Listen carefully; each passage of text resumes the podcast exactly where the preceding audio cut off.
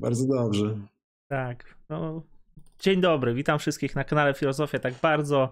Dzisiaj z Adamem Jankiem przygotowali, przygotowaliśmy dla Was e, dwie książki Ziszka, będziemy o nich rozmawiać. Znaczy, przygotowaliśmy po prostu taką rozmowę, taki podcast bardziej. Oczywiście będziemy odpowiadać na Wasze pytania e, i będziemy zastanawiać się, co w ogóle ten Ziszek napisał, co wymyślił. Różne opinie e, pojawiły się już w internecie i pierwsza książka to jest pandemia, COVID-19 trzęsie światem, tak to wygląda. E, pojawiła się chyba, Boże, ona pojawiła się w marcu w zeszłym roku, tak?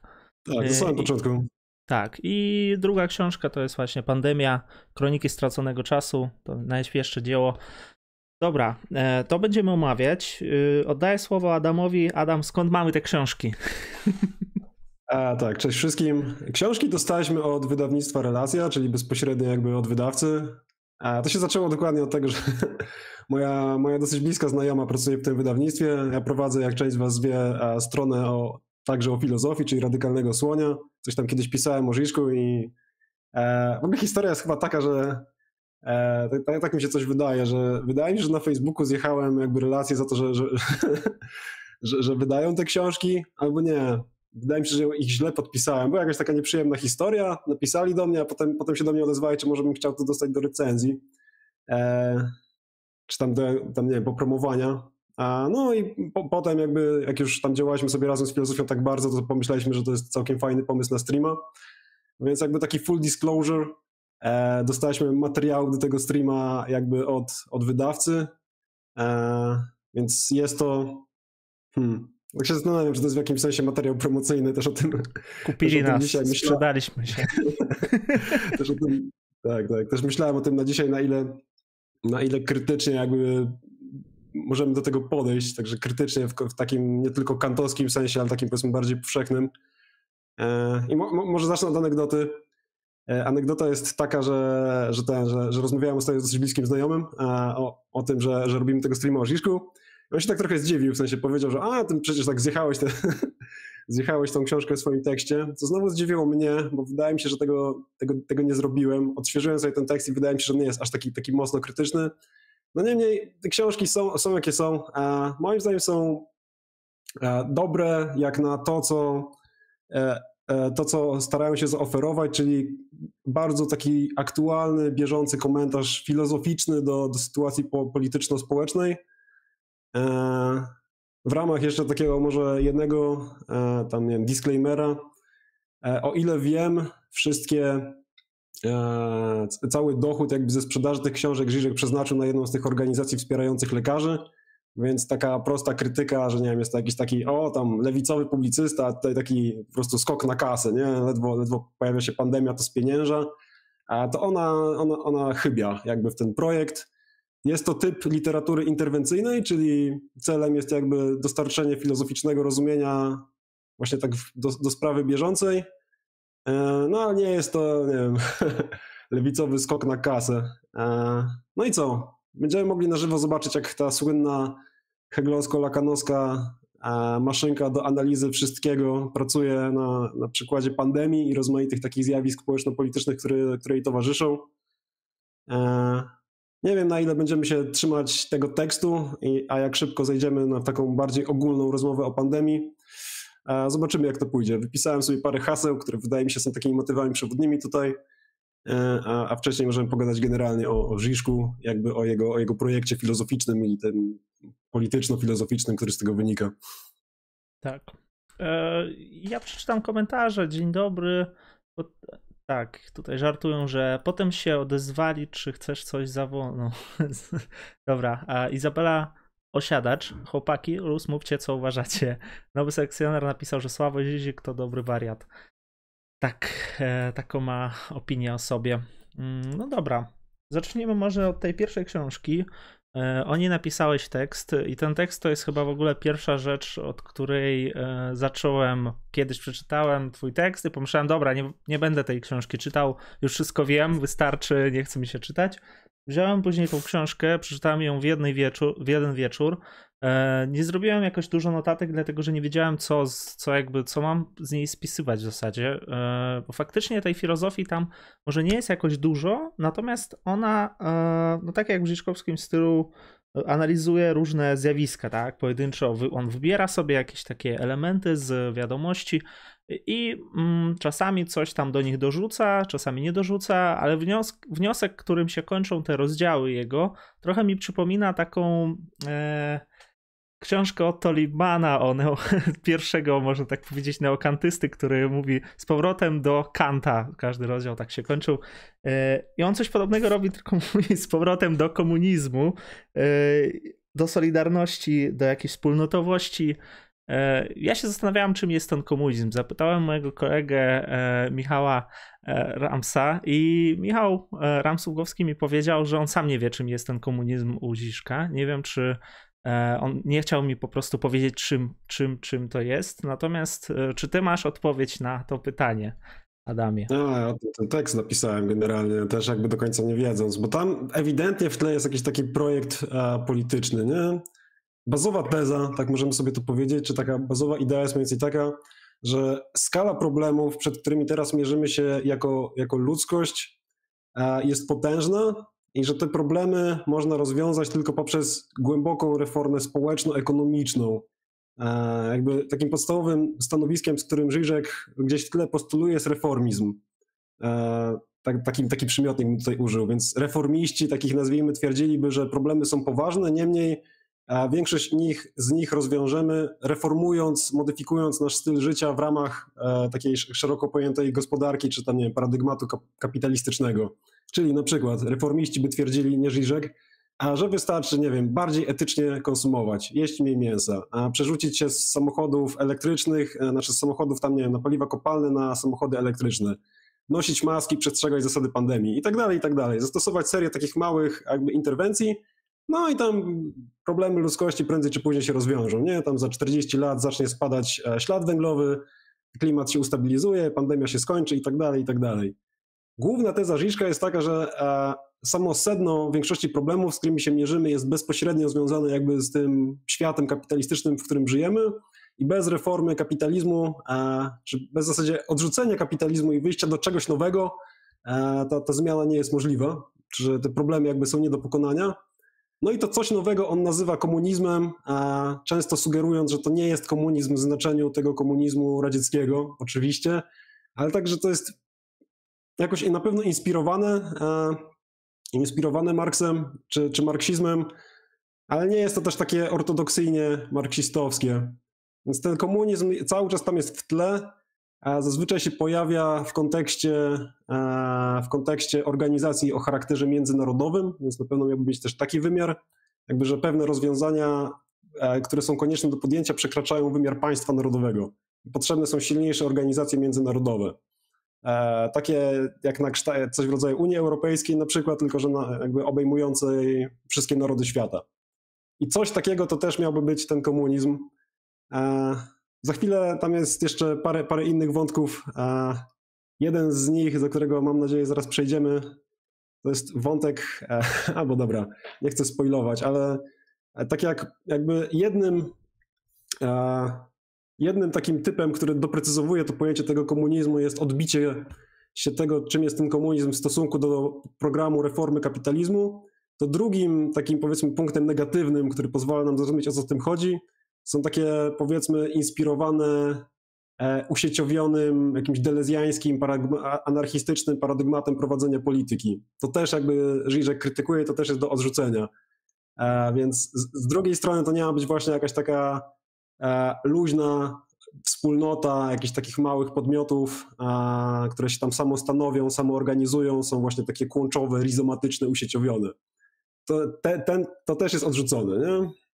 Tak. Tak, tak. Pojawia się jeden e, wątek z Lwem Tolstojem w tej właśnie pierwszej książce pandemii i on tam mówi nawet coś takiego, że powinniśmy dzisiaj e, zostać takimi bardziej surowymi realistami, ale w takim sensie e, że powinniśmy jakby pójść w stronę takiego oceniania bardziej, że powiedzieć co czym jest, natomiast w drugiej książce on to rozwija jeszcze bardziej i stawia bardziej taką radykalną tezę, że powinniśmy być bardziej zdecydowani i przejść do interpretacji świata, przejść do opisu świata, e, parafrazując słynny ten właśnie, słynną tezę o Marksa i Engelsa o Feuerbachu, że powinniśmy dzisiaj właśnie zacząć interpretować świat niż go zmieniać. E, I to jest chyba sedno tej jego myśli, co on chce nam przekazać. E, natomiast, no, czy taka interpretacja e, do czegoś doprowadzi? No, jego zdaniem, e, właśnie takie ocenianie, przewartościowanie wszystkich rzeczy, pokazanie tych właśnie patologii różnych, które pojawiają się wraz z pandemią. No, na przykład, on tam dużo poświęca uwagi pracownikom, tym właśnie klasowym nierównościom. Oczywiście korzysta z tej e, terminologii marksowskiej, no to jest jego jakby, on, e, on cały czas jakby z tego korzysta tutaj, no, jakby powiedzieć, to jest jego taki jeden z aparatów, którego on korzysta e, i i po, próbuję pokazać y, tą nową drogę, y, to co Adam właśnie zaczął, to, to co powiedziałeś właściwie. No dobra, chyba, chyba chciałeś gdzieś w inną stronę skręcić, natomiast ja odbiłem z tym Tolstojem i, i coś innego zacząłem mówić, my, ale... Dobra, będziemy sobie tak skakać. E, dobra. Książka też jest taka generalnie, więc możemy moim zdaniem równie skakać jak tę książkę. Jakby kogoś to zainteresowało. To, to jest jakby e, nie wiem, to, mi to wygląda na zbiór esejów czy takich krótszych prac punktowych. E, większość tych tekstów ma, nie wiem, 5-6 stron i są spięte klamrą e, tego, że są generalnie rzecz biorąc o pandemii, plus jest wstęp i jakby takie zakończenie w obu tych wypadkach, które są takie bardziej filozoficzne, można powiedzieć, w sensie jakby otwiera tą książkę zwykle taki, taki ładny wstęp i zamyka taki dłuższy fragment na temat tego, e, jaka jest nasza sytuacja w świecie. E, no a tak jak skacząc, to tam nie wiem, jest, jest rozdział o tam seks robotach, potem jest rozdział o tam, nie wiem, pracownikach sezonowych. Potem mamy, potem mamy rozdział o Trumpie, potem nie wiem, o tym jak się tam zmienia, o tym jakie tam filmy są najczęściej oglądane w trakcie pandemii. Więc Żyżek bardzo skacze tematycznie. Są takie punktowe interwencje, które mają pokazać coś interesującego na temat tego, co się aktualnie dzieje. E, I myślę, że też będziemy po prostu tak skakać, e, coś tam próbując rekonstruować po drodze. I jeszcze komentarze przeczytam. tak, fajna była ta książka, chociaż e, imo to taka garść obserwacji, żadna spójna teza z nich zbytnio nie wynikała, pająki pisze. E, Okej, okay, prawie przygapiłam. Nowy selekcjoner Filip proponuje zabawę. Każdy na czacie rozwinie zdanie. Komunizm jest wtedy, gdy. Okej. Okay. E, nie wiem. Paweł Bojarski. E, ta książka to skok na kasę, bo to kompilacja tekstów opublikowanych gdzie indziej. E, Woldon Król. Witajcie Adamie i Filipie. I tutaj ktoś też napisał, że Karoń nasz stream polecił, ale to jest chyba żart jakiś. E, Okej. Okay. E, dobra, wracając to, do... To też byłoby interesujące, bo tak naprawdę moim zdaniem Krzyżek ma teraz już coraz bardziej niejednoznaczną recepcję. On się też dosyć interesująco ustawia względem tej, tej nowej lewicy. E, I, I, wydaje mi się, że jakby, nie wiem, duża, duża, duża, duża, duża część e, argumentów, czy duża, duża część publicystyki Żiszka to jest jakby dyskusja wewnątrz lewicy, często jakby ataki na poprawność polityczną i wydaje mi się, że nie wiem, sporo, sporo, sporo jego rzeczy, zwłaszcza kiedy się je bierze bez tego szerszego kontekstu jego projektu politycznego, że to ma doprowadzić właśnie do tego komunizmu w jakiejś wersji, jeśli tylko takie wyciąć, jak tam, nie wiem, krytykę pewnych, nie wiem, krytykę, dajmy na to, tendencji europejskich intelektualistów do e, samobiczowania się, nie? do podkreślania jakby winy europejskiej, czy winy za kolonializm, która jest widoczna na współczesnej lewicy. Żyk się mocno od tego odcina. Krytykę, dajmy na to, właśnie dyskursu tak zwanej poprawności politycznej. Jeśli brać tak punktowo wypowiedzi Żyszka, to spokojnie moim zdaniem, nie wiem, prawicowy czy konserwatywny odbiorca może, może co jakiś czas na to patrzeć i pod tym podpisywać. E, więc też wydaje mi się, że nie wiem, Żyżek jest taką postacią w miarę, znaczy minimalnie bardziej niejednoznaczną niż się może na początku wydawać i spokojnie jakiś taki prawicowy publicysta może, może to wziąć i, i stwierdzić, że o, to takie całkiem ciekawe. Nie?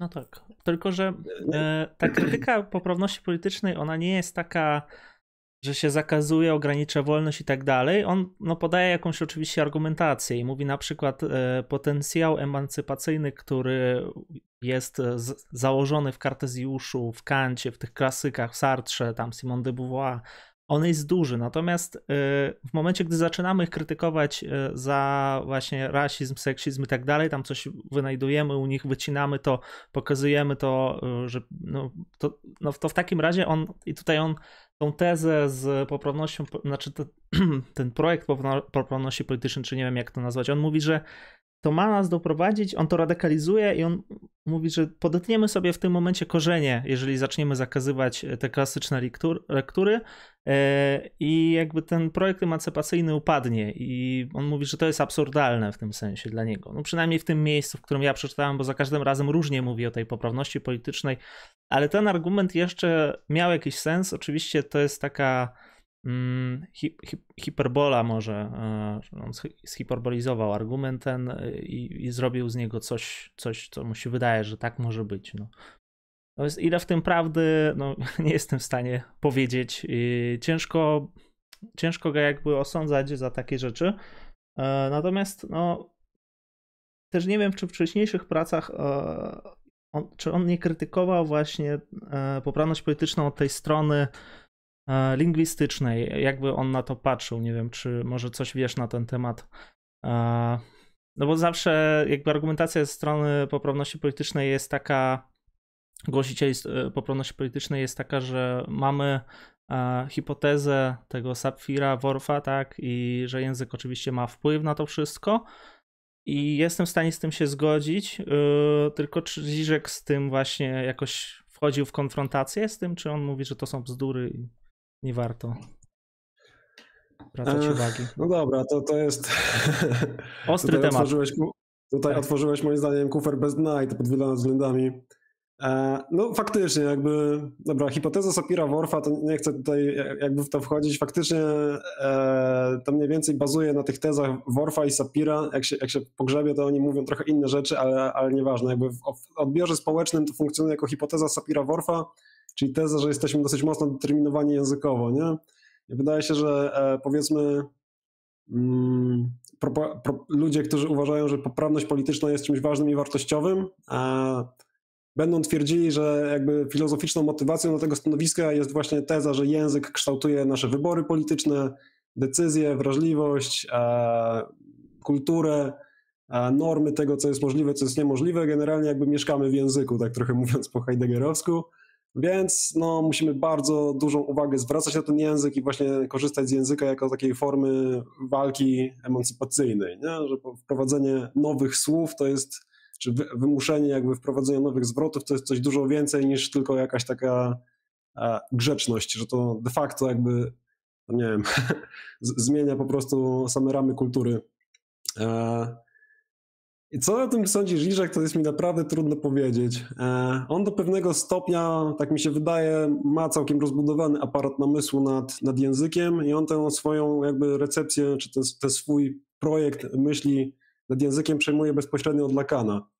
Gdzie u Lakana język to jest generalnie, powiedzmy, tak nie, w takim pewnym uproszczeniu, język jest związany właśnie z tym wymiarem e, symbolicznego, e, i, i, i człowiek jakby jest do pewnego stopnia uwiężony w tym, w tym symbolicznym. W sensie ten język jakoś go tak bardzo, bardzo mocno determinuje.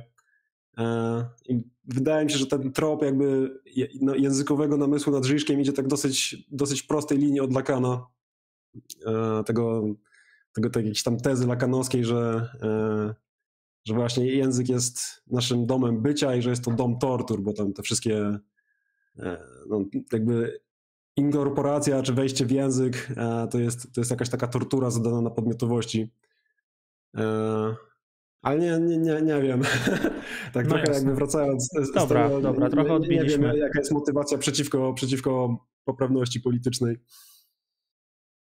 Jest pa, parę wersji. Jedna z nich jest taka, że to jest, o ile, o ile dobrze to teraz e, rekonstruuję, czyli dobrze to pamiętam, e, że jakby poprawność polityczna e, jest zamaskowaną formą jakby mm. rasizmu, czy tam, nie wiem, seksizmu, że jakby ona jakby w, te, w tym takim nie, wydaje mi się, że to jest taki dosyć typowy dla Żyżka argument, że w tym takim powiedzmy liberalnym pragnieniu bycia jak najbardziej neutralnym i, i miłym dla, dla drugiej strony ukryty jest taki jakiś ładunek, ładunek rasizmu, że to nie jest prawdziwa emancypacja, tylko właśnie jakaś taka sformalizowana, sformalizowana niechęć do obu stron. Nie ma, nie ma jakby takiej prawdziwej solidarności.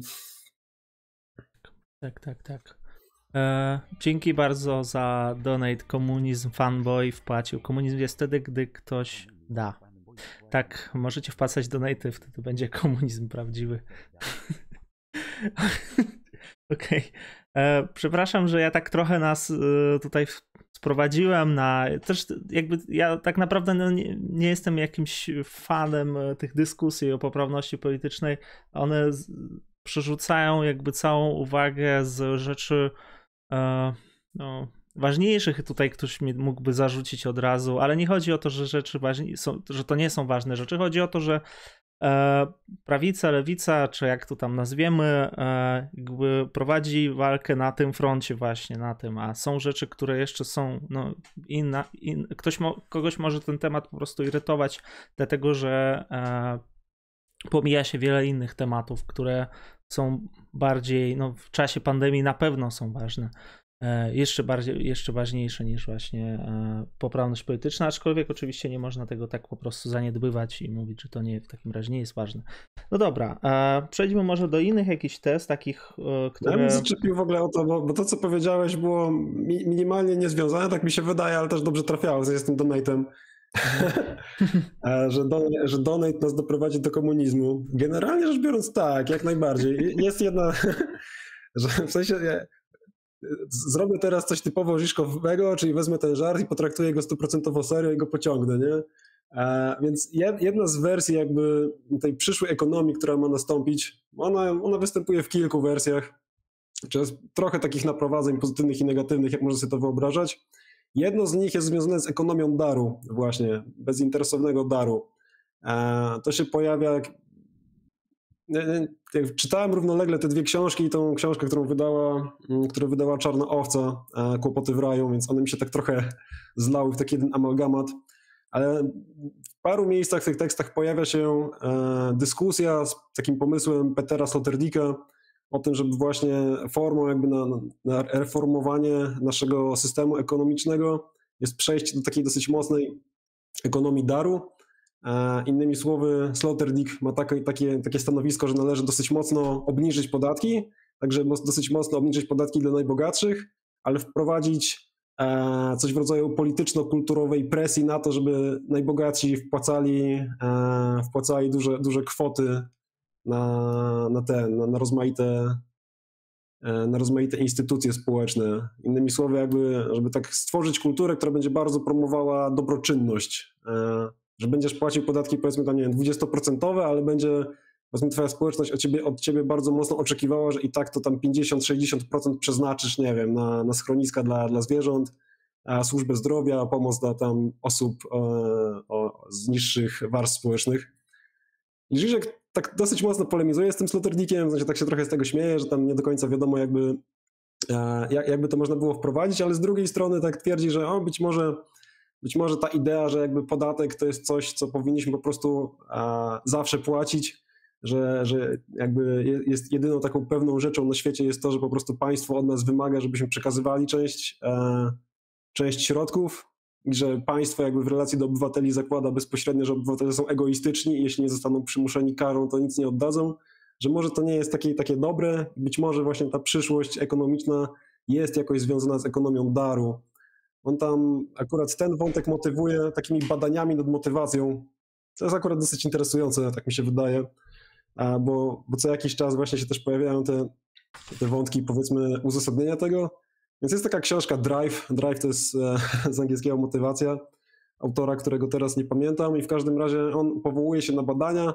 Ludzie zauważyli, czy badacze zauważyli, że wysokie nagrody pieniężne e, w przypadku wykonywania e, niektórych zadań, zwłaszcza takich zadań, które wymagają kreatywności, a nie mechanicznego powtarzania, działają demotywująco na uczestników, co się wydaje takie kontrintuicyjne.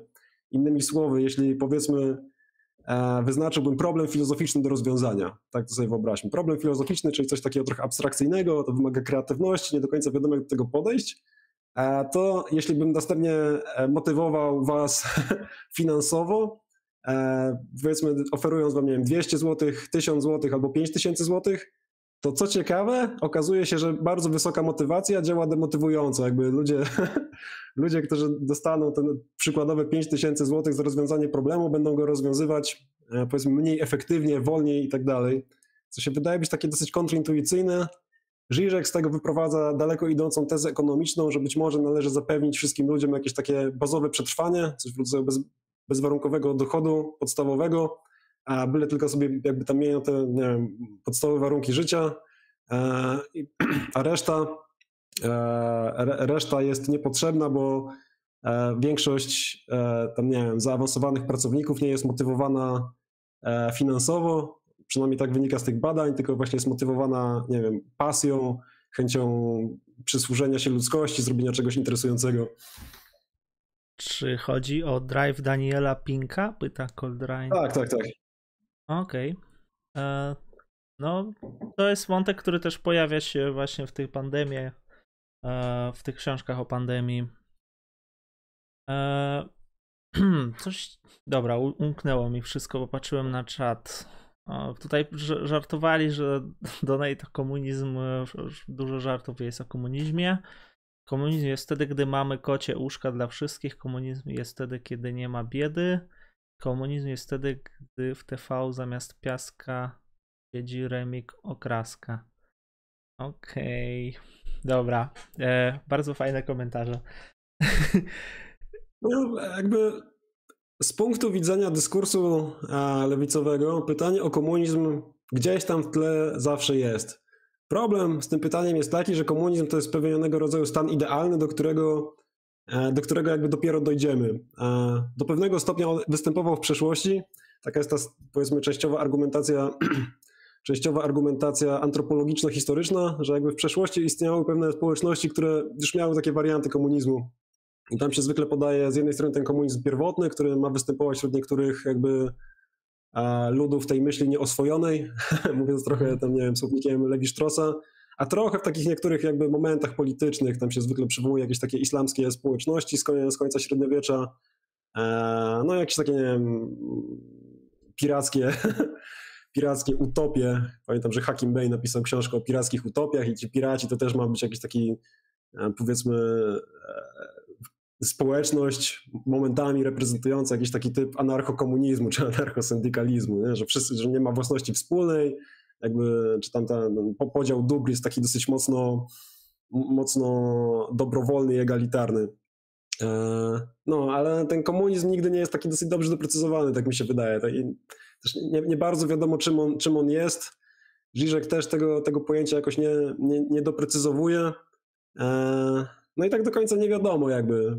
E, tak, tak mi się wydaje czym by to miało być i jak, jak byśmy mieli do tego dojść. Chociaż też jest taka teza, że właśnie dojście do tego jest jedną szansą na rozwiązanie problemów ludzkości, więc, e, więc, więc trzeba, mm, trzeba dokonać jakiegoś intelektualnego posunięcia i tam dojść. I to intelektualne posunięcie to jest to, co zresztą odniosę się do tego wątku, o którym mówiłeś na początku. To jest jeden z jego głównych postulatów, czyli żeby zacząć myśleć, a przestać działać. I to myślenie ma doprowadzić do wypracowania nowej teorii e, współczesności, bo też jest taka teza, że jakby aktualnie nie dysponujemy dobrym modelem intelektualno-teoretycznym tego, czym jest współczesny świat. Jakby brakuje nam takiej po, po, kognitywnej mapy pojęciowej tego, czym, czym jest rzeczywistość współcześnie. I dopóki jej nie mamy, to nie, nie potrafimy, nie wiemy, jak, jakby z tego wyjść. Więc zadaniem myśliciela jest przestać działać, jakby przestać się angażować w jakieś takie e, rozpraszające, e, mało istotne e, lokalne projekty, zatrzymać ten przymus jakby ciągłego, pustego działania, pustego ruchu, tylko właśnie zatrzymać się i zacząć pracować nad tym takim projektem filozoficznym, który miałby opisać jakby to, czym, czym jest współczesność, to czym się, gdzie się teraz znajdujemy. No i kiedy ta teoria powstanie, nie, taka teoria filozoficzna przez duże T, to już będziemy wiedzieli, jak dojść do tego dobrego systemu społecznego. Czyli wtedy ta droga do komunizmu e, tak zwanego komunizmu jakoś tam się e, wykrystalizuje. Tak, Żyżek Natomiast jeżeli chodzi o ten komunizm, który ma się wyłonić, on czasami nawet mówi coś takiego, że e, nie, nieważne jak to nazwiemy, jeżeli komuś się nie podoba nazwa, to możemy to inaczej nazwać, że to e, próbuje tym samym pokazać, że to jest coś, coś innego. Natomiast e, jeżeli chodzi o przykład takiego filozofa, który już zaczął interpretować, no to naj, najlepszym przykładem jest on sam. E, I od tego właściwie zaczyna się jego druga książka, Kroniki Straconego Czasu, pod tytuł. Chodzi o to, on zaczyna swoją książkę, o to, że właśnie filozof powinien zacząć pisać, interpretować, i on, on tam pisze, filozof za, powinien pisać o zbiorach, no i zaczyna pisać o, oczywiście o zbiorach właśnie na, Boże, mm, na, na farmach, tak, y, brakuje pracowników, e, ci pracownicy muszą z innych krajów przyjeżdżać. Mało tego, że muszą przyjeżdżać, to jeszcze e, nie są zawsze opłacani, nie mają teraz pracy przez pandemię, e, to jeszcze chorują na tą pandemię i i, I w zasadzie jakby wiele problemów wymienia. On się powołuje na różne artykuły, na kulturę, no, no, w sensie tak, w takim szerokim sensie, kultura e, no, na filmy, na kulturę popularną, o to mi chodziło. E, I próbuję analizować te konflikty jakby w takiej, przez pryzmat takiej właśnie trochę krytyki, pryzmat paradoksów, no to co on robi we wszystkich dziełach w zasadzie, że pokazuje pewne paradoksy. Czasami te paradoksy są bardziej lub mniej oryginalne, czasami brzmią bardzo banalnie i te paradoksy mają jakby później doprowadzić do jego tezy, aczkolwiek no to nie zawsze jest spójne i jego myśl, ona jest taka niby z jednej strony prosta, a z drugiej strony nagle jest taki zakręt, że wow, co, co to się stało, jakby przed chwilą przecież mówił o tych zbiorach, a tutaj nagle pojawia się jakieś wtrącenie z Akana, wielki inny ojciec o Łukaszence nagle zaczyna pisać i jakby już jesteś w innym trochę miejscu, więc żeby analizować tą myśl, to faktycznie yy, te, te akapity trzeba, trzeba jakby na nich najbardziej się skupiać. Yy, reszta, reszta tych rzeczy, które tam się pojawia, ona jest taka, no, ma coś pokazać, ale jakby samo sedno tkwi właśnie w tych akapitach, gdzie on coś mówi o Lakanie, o Marksie i tak dalej. Tam, tam jest ta filozofia. No nie jest jej dużo, jak już powiedzieliśmy. E, no i mówi, że wszyscy powinni zostać teraz filozofami. E, ciekawy też zostawia, mówi, że każdy ma teraz właśnie e, swoją konkretną wizję istoty ludzkiej. Spirytualiści, libertarianie, utylitaryści, autorytaryści, new age'owcy, wszyscy mają jakąś taką wizję ludzkości, swoją wizję i od, od tej wizji zależy interpretacja pandemii. E, nie ma natomiast jakiejś spójnej wizji i dlatego, dlatego są dalej jakby są problemy. Ludzie nie mogą spojrzeć e, tak trochę jednomyślnie na tą pandemię, zobaczyć rzeczywiście, że ona jest niebezpieczna. E, no i on tak trochę mm, krytykuje, mm, nie powiedziałbym, że atakuje jakoś bardzo, krytykuje właśnie te ruchy prawicowe. On dużo pisze o nowej prawicy, mówi, że na przykład nowa prawica teraz robi sobie kapitał społeczny na pandemii, e, głównie przez to, że uznają ją właśnie za coś, za jakiś spisek. W jednym miejscu w ogóle nazywa ich idiotami wprost, tam powołując się do jednego, powołuje się na jakiś taki żart o idiotach. No, no i mm, później wymienia wymienia też e, przeciwników. Kim są przeciwnicy jakby te, tego, tej pandemii?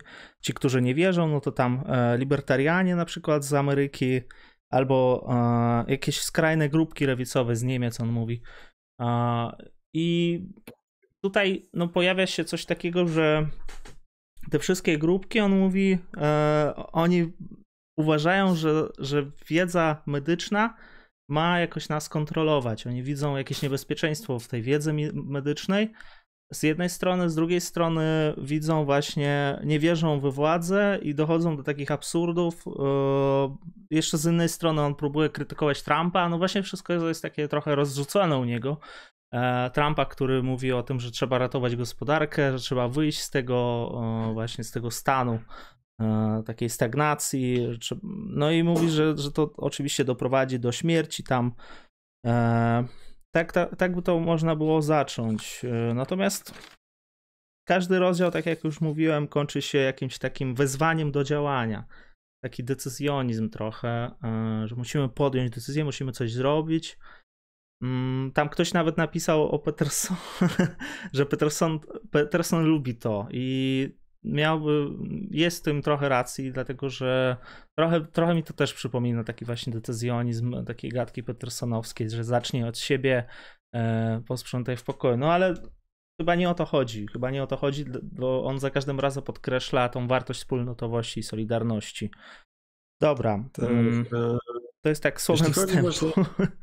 Nie, no. to, to, to, jest, to jest, poruszyłeś sporo, sporo wątków, o które mogę zaczepić, bo one są interesujące. E, jeśli chodzi o takie rozwiązanie petersonowskie, e, czyli byśmy mogli w szerokim takim znaczeniu powiedzieć rozwiązanie z kategorii self-help, czyli tego powiedzmy samopomocy. Twoje, większość Twoich problemów jest związana tak naprawdę z pewnymi, powiedzmy, trudnościami e, osobowościowymi, charakterologicznymi i, i musisz właśnie skorzystać z pomocy e, coacha, psychoterapeuty, żeby je rozwiązać. Jakby e, wydaje mi się, że i, i, to, jest, to, to jest powiedzmy dyskurs dosyć popularny współcześnie, że jakby problemy Mm, porządku społecznego tak naprawdę zostały przeniesione do wymiaru wewnętrznego jednostki, że e, problemem nie jest a, problemem nie jest układ społeczny, w którym żyjesz, ale to, że jako, jako jednostka nie dość dobrze jesteś do niego dostosowany. Jesteś na przykład zbyt mało wydajny, masz nie wiem, zbyt, e, zbyt, zbyt e, archaiczne wykształcenie, które nie pasuje do wyzwań współczesnego świata, czy te, tego typu rzeczy. E, wydaje mi się, że jakby jest łatwo zauważyć, Żyżek jako myśliciel lewicowy będzie zwracał uwagę przede wszystkim na społeczny wymiar większości problemów, z którymi się mierzymy i że one są tak naprawdę do rozwiązania nie poprzez jakby e, działalność jednostki i pracę nad sobą, nie poprzez to, że będę wstawać godzinę wcześniej i czytać, e, czytać jakieś takie mm, książki o tym, jak być bardziej efektywnym w pracy, tylko mogę rozwiązać większość swoich problemów przez zmianę otoczenia społecznego, w którym żyję, doprowadzając do zmiany politycznej generalnie. Taka, taka tu jest myśl. To jest niekoniecznie niekompatybilne z tym pierwszym podejściem, takim petersonowskim. Wydaje się, że one mogą działać razem, ale też jest między nimi jakby taka, jest między nimi taka e, naturalna, powiedziałbym, jakby to nazwać, mm, no to, to dziwna taka dynamika. Żyżek jakby wielokrotnie stwierdza, że jeśli się skupimy na tym, że problemy że to my odpowiadamy głównie za problemy, których doświadczamy, to jakby nie starczy nam już sił, energii, czasu na angażowanie się w ten, ten wymiar społeczny.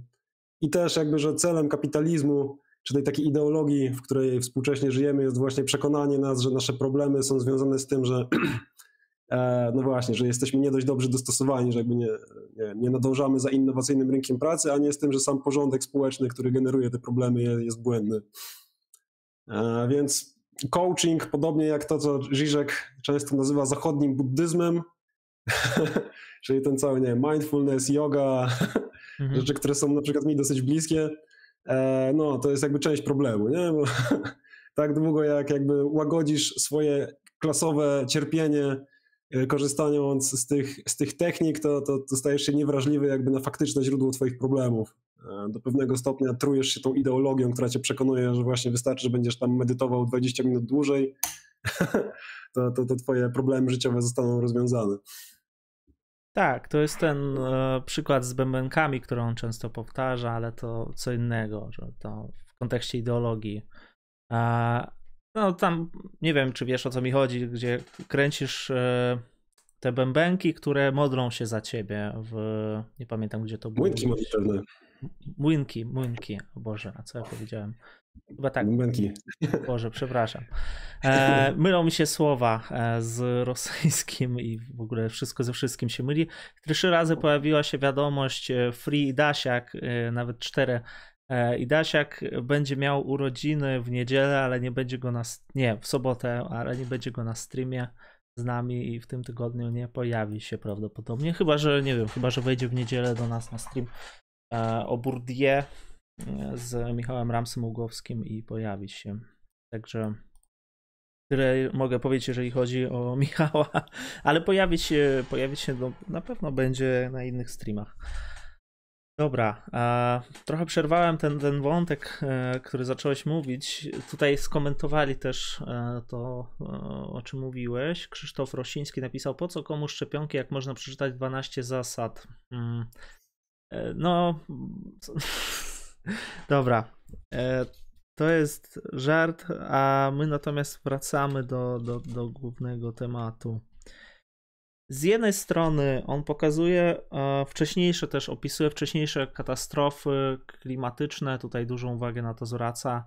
E, pokazuje oczywiście ten podział klasowy i rzuca się, no mniej więcej tak co trzy akapity gdzieś tam pojawia się wątek kapitalizmu e, i krytykuje. Krytykuje cały czas, tak jako krytyka no nie jest jakaś nowa, ale on próbuje coś pokazać e, na przykładzie tych, e, tych właśnie rzeczy, z jednej strony właśnie katastrofa klimatyczna, z drugiej strony te podziały. On mówi, że e, a teraz, teraz jest pandemia, teraz się przejmujemy pandemią i pandemią tak naprawdę więcej się przejmujemy niż tymi innymi rzeczami, że trochę o nich zapomnieliśmy, ale one są tak samo ważne jak właśnie pandemia I też próbuję pokazać, że e, fajnie by było, gdybyśmy się tak przejmowali właśnie tymi rzeczami, tak samo jak pandemią.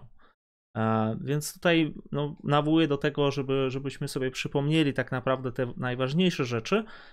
Jeden rozdział właśnie on tak zatytułował, gdzie jest Greta Thunberg i Bernie Sanders, czym zwraca uwagę na to, że Greta Thunberg się jakoś tam nie wypowiedziała za bardzo na temat pandemii, gdzie są ci nasi jakby nowi bohaterowie, którzy będą e, nawoływać jednocześnie, jakby połączą te tematy.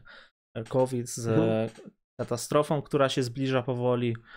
E, no i, no i właśnie te odpowiedzi oczywiście nie, nie ma co oczekiwać. E, też tam pojawia się wątek mm, strajków na Białorusi.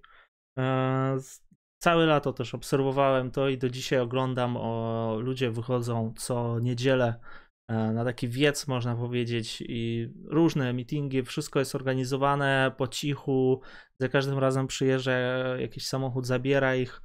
E, no i Łukaszenko to opisuje, Łukaszenko, Żyziek to opisuje i, i tak trochę dziwnie kończy rozdział, że no w sumie e, życzymy im powodzenia. I, I z tego wszystkiego stawia tylko kilka takich tez, rzuca może tak powiedzieć, że dobrze, jeżeli e, oni wygrają tą walkę, e, to później no, przyjdzie ten, e, albo przyjdzie jakiś podobny lider w stylu właśnie Kaczyńskiego, Orbana, e, albo jeszcze kogoś, e, jakiś populista prawicowy i będzie trochę podobnie, będzie coś innego może, ale, ale i tak jakby daleko nie, nie wyjdą poza, poza, tą, e, poza ten dyskurs. A z drugiej strony jeszcze mówi, no dobrze, a jeżeli im się uda jednak e, dojść do takiej liberalnej demokracji, do takiej zachodniej e, demokracji, to i tak nigdy nie, nie dojdą do ideału i tutaj posługuje się słynnym paradoksem e, Zenona z LA, z Achillesem i żółwiem. No, paradoks polega na tym, że żółw nie może dogonić, Boże, Achilles nie może dogonić żółwia, żółw zawsze jest dalej niż Achilles i paradoks polega na tym, że są pewne odcinki, e, no i powiedzmy, żeby dogonić żółwia, Achilles musi przebyć tam jeden odcinek, natomiast żółw przejdzie więcej tych odcinków i tak dalej, tak nieskończoność. I on mówi, a co gdybyśmy podstawili właśnie tą walką, walkę o demokrację zamiast Achillesa, a zamiast żółwa postawilibyśmy ideał jakiejś e, liberalnej demokracji, taki ideał który będzie bez, i tutaj znów pojawia się krytyka e, tej poprawności politycznej, ideał, który będzie, mm, który będzie nieosiągalny. On mówi, im bliżej się zbliżamy, im bardziej się staramy zbliżać właśnie do tego żółwia jak Achilles, czyli im, im więcej walczymy o demokrację, e, tym dalej jesteśmy od niej tak naprawdę. I to jest kolejny paradoks, który no, pokazuje nie wiem, co właściwie pokazuje, jakby no trochę, nich, trochę nihilizmem to takim oddaje politycznym, że nie da, się, nie da się osiągnąć tego ideału, więc musimy zmienić, musimy zmienić całkowicie nowy system właśnie i, i znów pojawia się argument z komunizmu, który jak już powiedzieliśmy, no, nie ma tutaj jednego tropu interpretacyjnego, żeby pokazać, czym to jest, dlatego że Żyżek mówi, e, że niech ktoś inny napisze coś, niech ktoś inny tutaj podda interpretacji to wszystko, co się dzieje teraz i wtedy może coś, coś gdzieś tam e, pojawi się jakiś pomysł na to wszystko. Adamie, e, co myślisz o tym, e, o tym paradoksie przede wszystkim, może tak? Znów trzy rzeczy różne powiedziałem, a tak to... Dobra. E, jakby sama argumentacja, czy sam przykład bazuje na tym słynnym paradoksie Zenona z Lei. Nie? Jak ktoś nie siedzi w filozofii starożytnej, to Zenon sformułował ciekawy argument przeciwko temu, że ruch jest realny.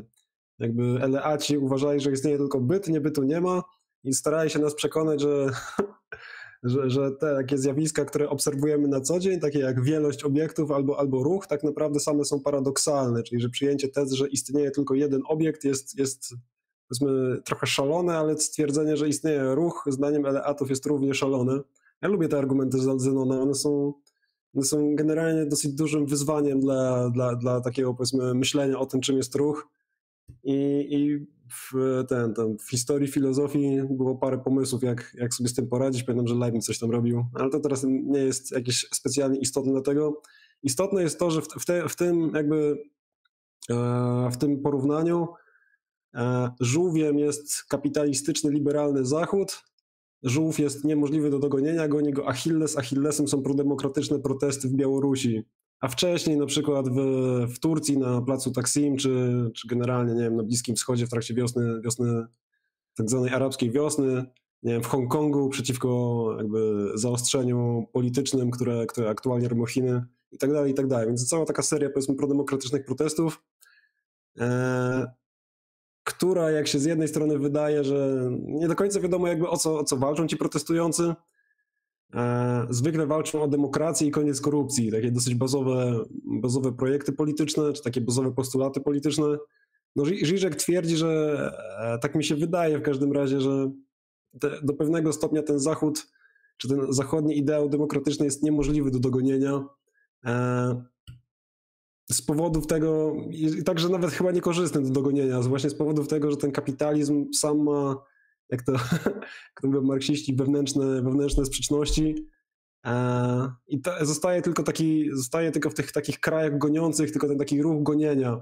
I ruch gonienia zwykle polega na tym, że należy zdemontować rozmaite e, struktury społeczne, które tam istniały wcześniej, żeby móc gonić szybciej. Czyli na przykład należy zdemontować jakieś pewne elementy e, jak zwykle wygląda taka argumentacja, że żeby dogonić ten Zachód należy wprowadzić bardziej agresywny kapitalizm, żeby szybciej nadrabiać, na przykład nie wiem, obniżyć, obniżyć podatki, zmniejszyć e, poziom welfare state'u, obniżyć, czy tam takich jakichś rozwiązań ala welfare state, obniżyć, e, obniżyć koszty pracy, żeby być bardziej konkurencyjnym, cały kraj przekształcić w coś w rodzaju takiej no tam e, nadzwyczajnej strefy ekonomicznej, no i Żyżek chyba będzie nam po prostu sugerował, że to nie jest droga, że jakby te takie rozmontowania nigdzie nas nie doprowadzą, że zostaniemy tego wtedy z dużo, jakby, że Zachód jest w pewnym sensie niemożliwy do dogonienia tymi środkami kapitalistycznymi, można tylko nie wiem, dokonać jakiegoś takiego innego, innego przejścia społecznego. Być może, być może ci protestujący powinni się domagać tego nowego komunizmu, ale wtedy nie bardzo wiadomo, za czym mają protestować. No on to też ujmuje jeszcze w pierwszej książce tak, że e, stawia po prostu alternatywę, że mamy albo barbarzyństwo e, z ludzką twarzą, albo właśnie komunizm. E, barbarzyństwo, mówi, jest prostsze, dlatego że to są już rzeczy, do których jakby przyzwy jesteśmy przyzwyczajeni. No i barbarzyństwem dla niego jest jakby w momencie E, kryzysu, w momencie, gdy jesteśmy na szczycie tej epidemii, ogłaszają jeden lockdown po drugim, e, jest właśnie ratowanie e, tej gospodarki. No i podaję przykład na przykład z korporacjami, że, że państwa finansują teraz korporacje, ponieważ korporacje są bardzo ważne i trzeba utrzymać, utrzymać jakoś ich dochód. Albo państwo w ogóle ratują tych bogatszych. Oczywiście no, pokazuje, pokazuje jakby tego absurdalność tego wszystkiego. E, no i znów jakby komunizm tutaj jest tą drogą, drogą wyjścia e, i doprowadzenia nas do, e, no ale moment, gdy on opisuje komunizm, w momentach, gdy on opisuje komunizm, pojawiają się, pojawia się kilka takich stwierdzeń, Solidarność. Solidarność, no i on więcej jakby nic nie mówi o tej Solidarności. On pokazuje, tylko może, może pokazać na przykładach, jak wygląda Solidarność. Samego pojęcia nie definiuje, może i dobrze, że nie definiuje. No, przykładem Solidarności i tam on podaje znów takie historyczne rzeczy o tych lekarzach na przykład, którzy pracują tam aż do no, po prostu do na, na maksimum pracują, do wyczerpania sił. Słów mi brakuje. E, Solidarnością na przykład inne jakieś poświęcenia osób, którzy, którzy też e, no, są zaangażowani w tą walkę właśnie z COVID-19. No i druga rzecz, to co mówiłaś o tym projekcie wspólnym, e, projekcie Europy, to znaczy no, jakiś nowy ład w Europie, czy coś takiego, chociaż nowy ład to ma złe skojarzenia. Znaczy do pewnego stopnia to, co on postuluje, to jest nowy porządek świata, nie? Znaczy, mhm. E, no, znaczy trochę ta, taka wizja, skojarzenia są jednoznaczne. Mam, nie, nie, nie wiem, czy nasi widzowie to kojarzą, istnieje istnieje taka teoria spiskowa, że światowe elity chcą doprowadzić do wprowadzenia tak zwanego nowego porządku świata, New World Order, NWO, taki jest skrót, czyli właśnie światowego rządu, który przejmie kontrolę od państw e, narodowych, wprowadzi jakąś taką uniwersalną, uniwersalny system monetarny, uniwersalny system podatkowy, e, właśnie uniwersalną władzę polityczną, niedemokratyczną. No i wiadomo, w tych teoriach spiskowych zwykle się tam okazuje, że E, na którymś etapie z cienia zostaje wyprowadzony antychryst i wiadomo, wchodzimy w etap państwa satanistycznego, to u wydaje się, że bardzo dużo, ale jakby ta teoria pozytywna komunizmu ma bardzo dużo kroków wprowadzenia tego właśnie nowego porządku światowego, tylko bez tego, e, bez antychrysta na końcu. Ale generalnie chodzi o to, żeby wprowadzić dosyć silną władzę międzynarodowych instytucji, które miałyby rozwiązywać te problemy klimatyczne, E, społeczne, ekonomiczne.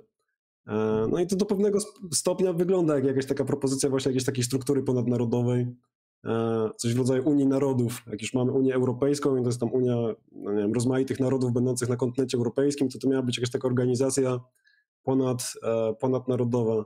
Być może z tym, z międzynarodowym podatkiem i międzynarodową dystrybucją dochodów. Tak.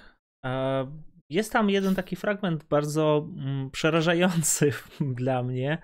E, powołuje się na Fichtego i mówi, że Fichte zaproponował właśnie koncepcję takiego państwa zamkniętego. E, I tak, mówi, że tak. być może to jest jakieś rozwiązanie. No, nie brzmi e, to za fajnie. Jest to niepokojąca w ogóle wizja, dlatego że Fichte zazwyczaj jest skojarzony tak Fichte, strzałka faszyzm i chciałbym tak, może tak, ten fragment znaleźć. No, też coś. To jest dobry fragment. Jeśli się. Istnieje w filozofii próba odpowiedzi na pytanie, skąd czerpie nazizm dwudziestowieczny, ten, ten, który panował w III Rzeszy. I standardowy trop filozoficzny wywodzi nazizm z paru, z paru miejsc. Często się podaje niczego, w sensie Friedricha niczego. Trochę sobie o tym rozmawialiśmy w trakcie streamów o niczym, na ile to jest dobra lub zła, dobre lub złe przyporządkowanie. No też jednym z klasycznych tropów e, rekonstrukcji tego, skąd się bierze nazizm, niemiecki nacjonalizm, są dosyć interesujące, interesujące z perspektywy historyka e, teksty, czy w zasadzie wykłady Fichtego, jego teoria zamkniętego państwa handlowego. E, Fichte, idealista niemiecki, standardowo przedstawiany jako krok między Kantem a Schellingiem, ale właśnie ma też taki wątek namysłu ekonomiczno-politycznego, są te, jest to teza o tym zamkniętym państwie handlowym. I faktycznie teraz sobie przypominam, że Żyżek o tym sporo pisze i też mnie to tak minimalnie wbiło. E... Tak, szukam nowego, więc nie będzie tak łatwo tego znaleźć. No. A, zaznaczałem sobie e, w notatkach to wszystko, to znaczy na, na marginesach tej książki. Mm, no dobra, jak nie, zna, nie znajdę, to, to trudno. Nowy ład, tak. Mhm. A Gambena krytykuje, tutaj widzę, tak, tutaj, no to jest jego polemika za Gambenem, ona w zasadzie, no nie jest jakaś długa, ale on tam od, zwraca się, e, no jakby on, on próbuje pokazać, że Agamben e, nie zrozumiał tej całej sytuacji i poszedł w stronę właśnie takich trochę prawicowych populistów, że skupił się tylko na jednym wątku, że to ma doprowadzić do jakichś skrajnych ograniczeń. E, to znaczy, pandemia ma doprowadzić e, do, do skrajnych ograniczeń w państwach, wprowadzić jakieś prawo do właśnie do jakiegoś totalitaryzmu takiego. E, tak, bo Agamben idzie dosyć taką, powiedzmy, łatwą linią teoretyczną, który łączy pandemię z kategorią biopolityki i biowładzy, którą można kojarzyć z Foucault i z ideą stanu wyjątkowego. I idea jest mniej więcej taka, że rząd wykorzystuje pandemię, żeby wprowadzić permanentny stan wyjątkowy, a kiedy znajdziemy się w warunkach stanu wyjątkowego, to rząd będzie mógł zrobić z nami wszystko. Więc należy się sprzeciwić lockdownowi, bo on doprowadzi do, do stanu wyjątkowego. I w dziwny sposób e, lewicujący Agamben tutaj w jednym miejscu nagle ląduje z, z libertarianami, a zwolennicy Agambena właśnie mogą iść w jakimś takim jednym marszu protestacyjnym przeciwko lockdownowi razem z, e, no właśnie, z mocno, z mocno konserwatywnymi czy libertariańskimi e, działaczami politycznymi. I to tworzy taki dziwny sojusz, powiedzmy, skrajnej, skrajnej prawicy i skrajnej lewicy, o ile to są dobre określenia do opisania tych właśnie, nie jakichś takich szalonych libertarian i właśnie tych jakichś agambenowców. No ale to też pokazuje jakby, że pandemia tworzy takie nieoczywiste sojusze. Można z różnych perspektyw protestować przeciwko lockdownowi. E, Żyżek jest zwolennikiem lockdownu. Jakby, jeśli ktoś ma co wynieść jakąkolwiek treść pozytywną, być może z tego chaosu, który tutaj prezentujemy, to taki, że jakby ten, on uważa, że lockdown jest w porządku, także za cenę jakby, także jakby za cenę strat gospodarczych, gdyż właśnie mamy być tymi cywilizowanymi, a nie barbarzyńcami, a barbarzyńca w ramach metaforyki tej książki to jest osoba, która twierdzi, że jakby przetrwanie gospodarki jest ważniejsze niż śmierć ludzi, która będzie efektem jakby zniesienia ograniczeń gospodarczych. Z barbarzyńca twierdziłby, że jakby wzrost gospodarczy jest bardziej istotny, E, po prostu gospodarka ma, ma działać, ma, ma się kręcić. E, no jeśli tam trochę osób przez to zginie, bo się zarażą, zarażą wirusem, to trudno. E, jakby takie są, nie wiem, koszty tam walki o przetrwanie. To, to Żyżek odrzuca tę perspektywę tego barbarzyństwa. Raczej twierdzi, że no, no trudno, trzeba się pogodzić z tym, że gospodarka osłabnie, mm, wejdzie w jakąś taką głęboką recesję.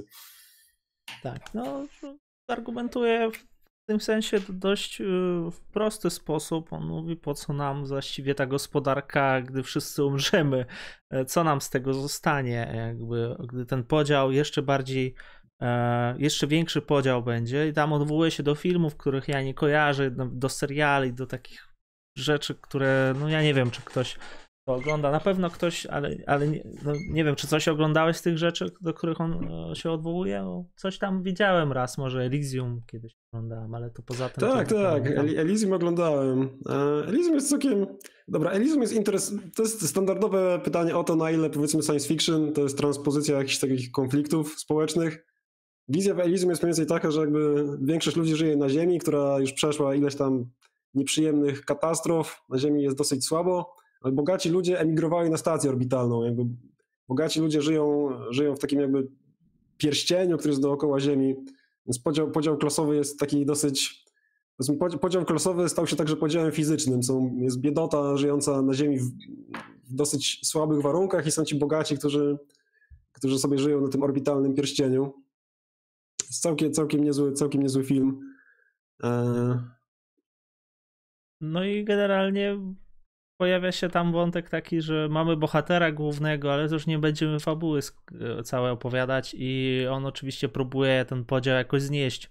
Ziżek mhm. e, dokonuje takiego porównania, że właśnie w momencie krytycznym e, epidemii, jeżeli to będzie tak dalej się rozwijać jeszcze bardziej, to właśnie dojdzie do takiego podziału i ci bogatsi tak, będą chociaż... próbowali się oddzielić i już próbują e, E, tak, tak, chociaż jego teza chyba jest także taka, że koronawirus pokazał, że takie oddzielenie jest do pewnego stopnia niemożliwe, bo jakby wszyscy żyjemy w społeczeństwie, e, e, nie da się, nie, nie da się od tego uciec i to marzenie o tym, że uda się stworzyć kolonię na Marsie, orbitalny pierścień, podwodne miasto, nie wiem, miasto pływające jest dosyć, dosyć no jest takie dosyć utopijno-fikcyjne.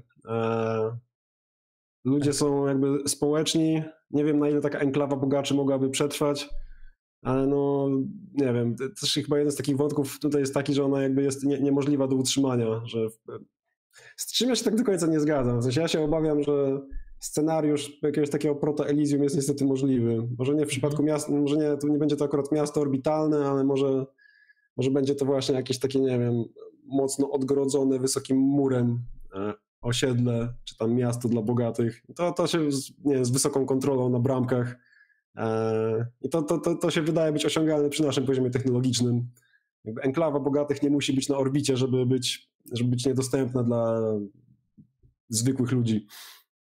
Podaję też przykład e, z nową e, Nową Zelandią i mówi, że bardzo mu się podobało, że tam nie ma, nie ma tych właśnie nie ma chorych, przez dłuższy czas tam nie było, a później nagle zaczęli, zaczęli się pojawiać. No i to jest taki przykład, który ma, miałby pokazać, że nie ma tutaj ucieczki przed pandemią. I jeszcze komentarze bym przeczytał. Trochę się tego nazbierało. Przepraszam, że. Dobra, tak, nowy selekcjoner. E, czy według Was punktem zapalnym przemian politycznych, na który Ziżek czeka, mogła być pandemia? Czy jest w tej sytuacji jakikolwiek wywrotny potencjał? Wywrotowy. E, tak, tak, jak najbardziej. I wydaje no, mi się, że. Stuprocentowo.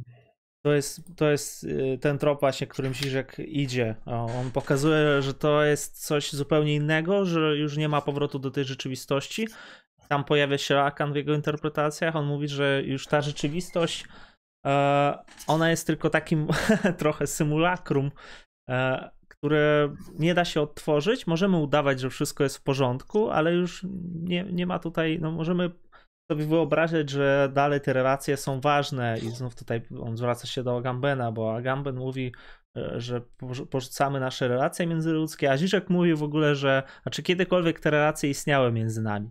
Tak samo jak e, w kontekście e, seksu i seksualności on mówi, czy seks kiedykolwiek w ogóle istniał, jeżeli mówimy teraz o jakichś brakach. E, no i on tam. To jest chyba znane takie jego porównanie do seksu, do masturbacji. Tak. Jeszcze komentarze. Nie wiem, czy chcesz coś dodać, bo. To jest dobre pytanie, jak najbardziej.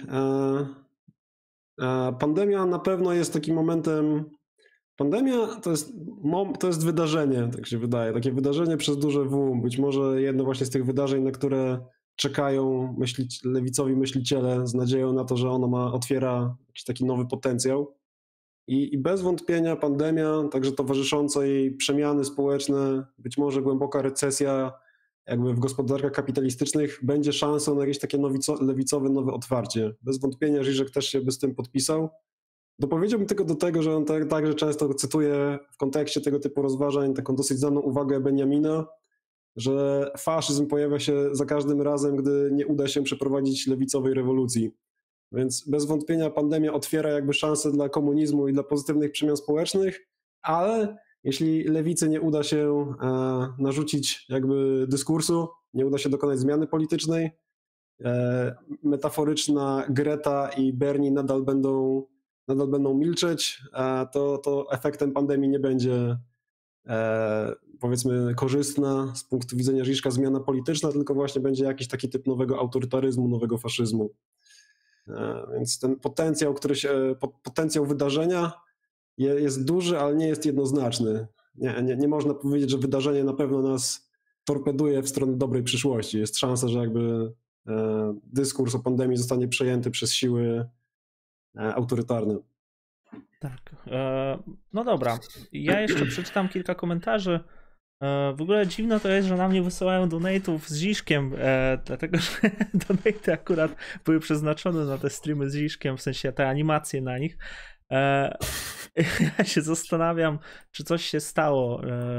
Dobra, napisy końcowe. Niestety, czytając te, tę książkę dzisiaj, gdy pandemia wkroczyła w nową fazę, a większość środków ostrożności została zniesiona, czytelnik nieraz złapie się na, na myśli o ulotności nawet najbardziej brawurowych przemyśleń. Zobaczy, że nawet taki tytan intelektu jak Żyżek nie odpowiedział na, nie odpowiedział na w perspektywie tak dużych zmian znów e, tej samej opowieści? Było pytanie. E, wtedy oznaczałoby to, że nawet tu nie widzi realnej szansy na zmianę systemu. Mm, drugi komentarz. Musiałbym się skupić jeszcze, bo jak czytam, to nie, czasami nie, nie mogę się zastanowić. Eee, tak. No, tytan intelektu, to nie wiem. Mm. Nie wiem, nie wiem, nie wiem, nie wiem. Mógł, czy mógłbyś skrócić to pytanie, dlatego że to jest tak bardziej jakieś retoryczne, że Ziżek e, nie widzi realnej szansy. chyba chodzi o to, że chyba chodzi o to, że dwie rzeczy. Po pierwsze, jakby, że wydarzenia idą na tyle szybko, że nawet Ziżkowi nie udało się ich w pełni uchwycić tymi książkami. To jest prawdą. E, jednym z takich braków, na które być może zwrócicie uwagę, jeśli po nie sięgniecie, jest to, że one, nie, że narracja jakby z powodów wydawniczych nie dochodzi do przegranej Donalda Trumpa w trakcie ostatnich wyborów prezydenckich. Tutaj Trump jakby cały czas jest u władzy. A wydaje mi się, że to, co się wtedy wydarzyło, też było interesujące. Także ten e, szturm na Kapitol, jako takie dziwaczne wydarzenie polityczne, które obserwowaliśmy parę miesięcy temu. Więc te wydarzenia polityczne idą dosyć szybko. Te książki to jest literatura interwencyjna, e, pisana na bieżąco, ale nawet ona nie nadąża jakby za tymi wydarzeniami. Więc to jest ten pierwszy taki wymiar, powiedzmy, pewnej e, wiem, bezsilności intelektualisty. Drugi wymiar chyba jest taki, że być może sugestia, że Żyżek nawet, nawet w pandemii nie widzi szansy na przejście do tego nowego porządku politycznego, e, ale z tym bym się nie zgodził. Wydaje mi się, że widzi. E, w sensie, że on dostrzega rewolucyjny potencjał w pandemii, tylko właśnie zaznacza tak dosyć niejednoznacznie, że, nie jest, szans, że, że jest szansa, że jakby lewica Lewica nie wytworzy nowej figury mistrza i przez to, przez to nie będzie w stanie, narzu- stanie narzucić swoich rozwiązań społecznych. E, ten wątek mogę za chwilę rozwinąć, bo to, to, to, to chciałem, to sobie napisałem, żeby poruszyć, to, to wydaje mi się jest interesujące. E, a, a jeszcze, jeszcze o tym nie mówiliśmy. Właśnie mhm. o, o, jak, o co chodzi z tym mistrzem. No dobrze, to ja może przeczytam ostatnie komentarze. Krzysztof Rosiński, czy Zizek odnosi się do Chin, w sensie mówi, że Chiny są zagrożeniem dla demokracji? No właśnie nie. W sensie nie mówi coś, nie mówi, że są zagrożeniem. E, pojawia się tam raczej, no tak, w pewnym sensie on nawet gdzieś pozytywnie pisze o tym, że oni wprowadzili ten model e, i że sobie poradzili w, z pandemią w taki właśnie sposób ale czy jakoś więcej on tego chyba nie rozwija? E, no i też nie, nie chcę czy... powiedzieć, że to jest najbardziej efektywny model. Bo... Mhm. Nie wiem, czy akurat w tych książkach, ale wątek chiński się pojawia w myśli Żiszka tej politycznej, publicystycznej dosyć regularnie. Mhm. E, I on jest jako taki kontrprzykład do, do tezy, którą na pewno część z Was zna. Ona trudno, ja nawet nie, nie, nie jestem teraz, jak na to myślę, w stanie ją komuś przypisać, ale idea jest mniej więcej taka, powiedzmy taka narracja liberalna, że najpierw wprowadzamy gospodarkę kapitalistyczną, a następnie kapitalizm sam doprowadza do wytworzenia społeczeństwa obywatelskiego i demokracji. Więc a, trzeba zacząć jakby od kapitalizmu, od rynkowej gospodarki i ona sama jakoś tak wytworzy jako swój efekt społeczeństwo obywatelskie i właśnie demokratyczny, egalitarny model, model polityczny. Żyżek zwraca uwagę na to, że Chiny są kontrprzykładem, jakby, że możesz, można mieć kapitalizm bez demokracji, z takim twardym autorytaryzmem i że on pod wieloma względami jest bardziej efektywny od tego zachodniego kapitalizmu, który co jakiś czas e, no właśnie utyka w ramach tej procedury demokratycznej. Nie jest, jakby politycy nie są w stanie, ekonomiści, dokręcić śruby społeczeństwom zachodnim, bo są blokowani przez procedury demokratyczne, przez referenda, demokrację deliberatywną itd., tak itd. E, no więc Chiny są zagrożeniem o tyle, że wydają się być bardziej efektywnym modelem kapitalistycznym, bardziej efektywnym modelem także jakby radzenia sobie z pandemią, bo jakby lockdown w Chinach został wprowadzony szybko i sprawnie. I zagrożenie jest takie, że rozmaici zachodni politycy będą sobie patrzeć na ten przykład chiński i tak myśleć, że no, ten autorytaryzm, czy ten taki autorytarny merytokratyzm, bo być może tak należałoby, czy ten technokratyzm, być może tak należałoby określić to, co się teraz dzieje w Chinach, jest, jest, jest jakąś taką realną szansą polityczną, czy realną alternatywą względem zachodniej demokracji deliberatywnej. No i to jest zagrożenie. Jeśli, jeśli, jeśli jesteśmy przywiązani do demokracji, to być może okazuje się, że kapitalizm nie jest jej naturalnym sojusznikiem albo jedynym sojusznikiem, że może się właśnie także dosyć dobrze łączyć z, z autorytarną władzą. Nie wiem, czy pamiętasz, ale wydaje mi się, że w pierwszej książce on powiedział, e, że ten o, dzięki bardzo za, za, za donate. Monika. O, bez komentarza. Dobra, dzięki bardzo.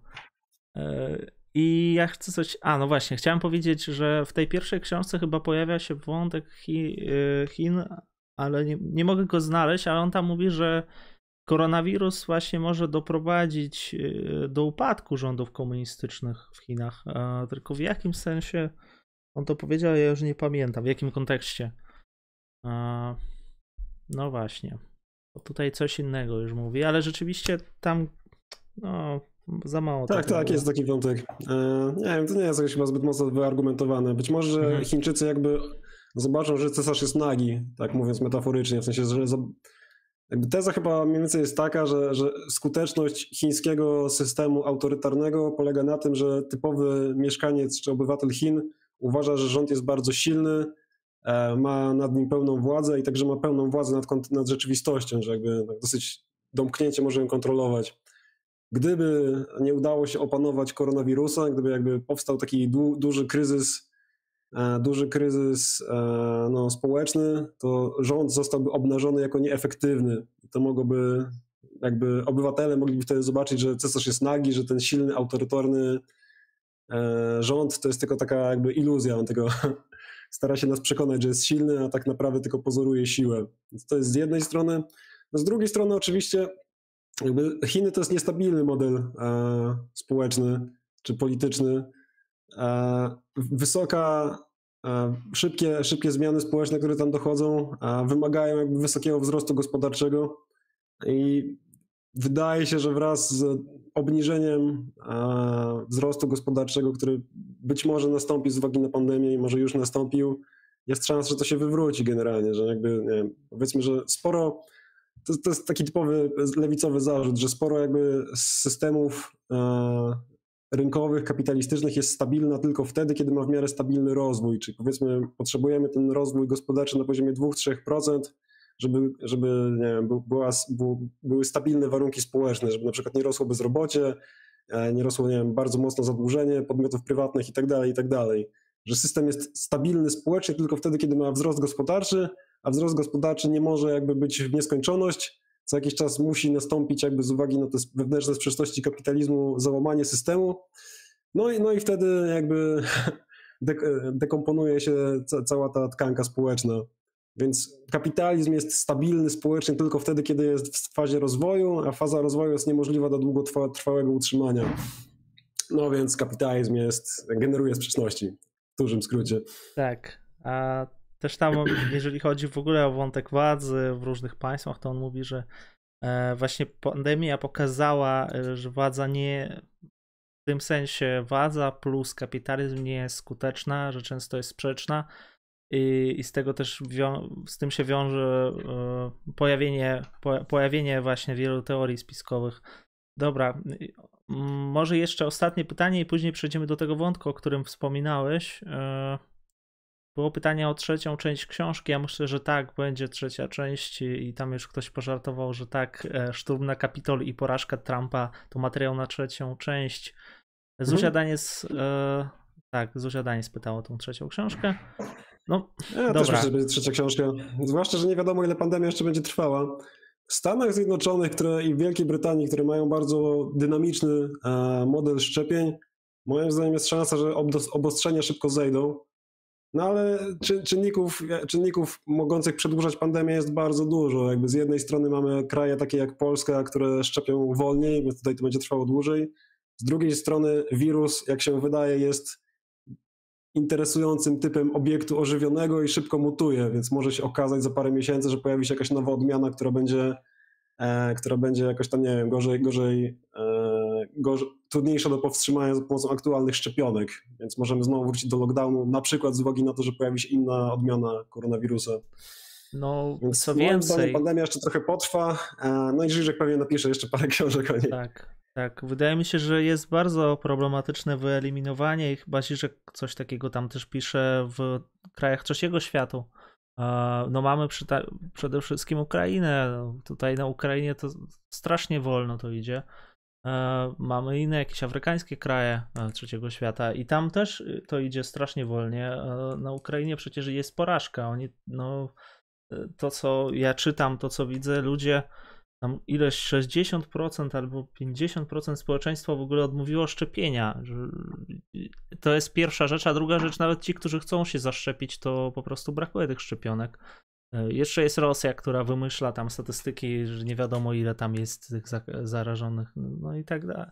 Dużo jest tego. E, no dobrze, może, może ten wątek, który chciałeś poruszyć, dlatego że nie można tak odciągać to. Nie, nie, to jest, to, jest, to jest też bardzo trafna uwaga, mm. że jest duża szansa, że jakby pandemia zostanie do pewnego stopnia powstrzymana e, właśnie na zachodzie, zostanie powstrzymana w tym orbitalnym mieście z Elysium metaforycznym, nie zostanie powstrzymana w krajach rozwijających się, jak są one czasami nazywane, i tam z uwagi na to, że nie zostanie powstrzymana, wirus będzie mutował i wróci na zachód wraz z samolotami, tam nie wiem, transportem morskim i tak dalej, i tak więc przygoda, która nas czeka może być długa. Mm, może Agamben faktycznie ma rację, że będzie niekończący się stan wyjątkowy. E, tak, ten wątek mistrza. Mistrz to jest figura z psychoanalizy lakanowskiej. E, I jednym z takich postulatów Żiszka politycznych jest e, restauracja na lewicy dwóch, dwóch rzeczy. Jakby to, co mam, co robić, nie? Jest takie to słynne pytanie, tam te, z tej książki Czernyszew... tak, ja, tak, Czernyszewskiego, tak, tak. Czernyszewskiego, tak, tak, tak, co robić?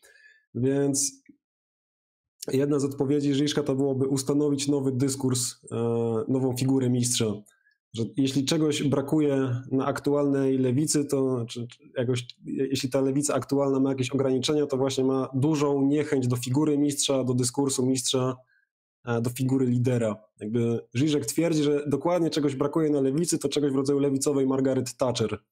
Jakby Margaret Thatcher można mieć duże zastrzeżenia do, do polityk, które prowadziła, ale jeśli czegoś nie można jej odmówić, to skuteczności jakby w przesunięciu akcentów politycznych, czy tego słynnego okna Overtona jakby na całą epokę. Że ma, mamy tą słynną epokę Thatcher i Reagana i faktycznie jakby takich dwóch wzorcowych liderów poprzez siłę jakby przekonywania, e, przekonywania wyborców, przekonywania e, wiem, elit finansowych, gospodarczych, związków zawodowych, wytworzenia jakiejś takiej przekonującej narracji jest w stanie przekona, przesunąć jakby rozwiązania ekonomiczne na całym świecie. E, no i właśnie, Żyżek twierdzi, że lewica, właśnie taka ta usieciowiona, delezjańska, anarchistyczna ma, duże, ma dużą niechęć do, do, do dyskursu mistrza czy do figury mistrza, czyli do takiego powiedzmy dyskursu silnego polityka, e, lidera politycznego, lidera wiecu, trybuna ludowego, który, który poprowadzi, e, czy miałby poprowadzić te, te lewicowe zmiany gospodarcze czy te lewicowe zmiany polityczne.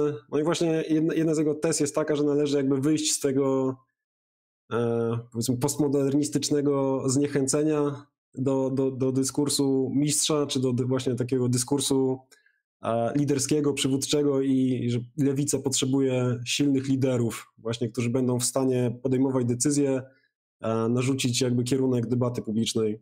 No, to, no i to jest interesujące. Nie, nie, ma z nami niestety Michała Ramsa. Może gdyby był, to, to moglibyśmy o tym trochę więcej porozmawiać. Albo Bartosza bo o ile zdążyłem zauważyć, tak, bo o ile zdążyłem zauważyć, Rams sympatyzuje z anarchizmem, też robił ostatnio stream o anarchizmie i filozofii. Dla mnie to jest interesujące pytanie, e, jak właśnie z takiej perspektywy anarchistycznej patrzy się na te nawoływania do powrotu takiego dyskursu, dyskursu mistrza. Jakby zagrożenie jest oczywiste, nie? Zagrożenie jest takie, że będziemy mieli kolejnego Lenina albo Stalina, e, kolejnego autorytarnego przywódcę, który przesunie dyskurs, ale też jakby zaprzepaści rewolucję tym, że no właśnie, wprowadzi dużo niekorzystnych zmian, wprowadzi jakiś taki twardy autorytaryzm, a lewicowy ideał gdzieś się po drodze zgubi. Jakby zagrożenie jest oczywiste i chyba łatwo je dostrzec, że zostaniemy z mistrzem, a, a postulaty lewicowe nie zostaną nigdy zrealizowane. Więc no właśnie, to, to, to... też na ile Żyżek jest lewicowcem, bo my już tak mówimy cały czas, jakby on był tym lewicowcem, a on przecież takim typowym znaczeniu, o ile mamy jakieś ideo lewicowca, to chyba nie do końca nim jest, to tym bardziej jego publicystyka y, i jego bardziej filozoficzne książki, y, no to jest ciągły taki proces zmiany, więc on teraz tak, y, jakby to powiedzieć, jest jakiś czasownik od słowa zlewicowieć, czy... Z... tak trochę ulewicowił się z czasem. Ta zmiana ona jest taka stopniowa, więc no nie można go całkowicie tutaj do, do lewicy jakby zaliczyć.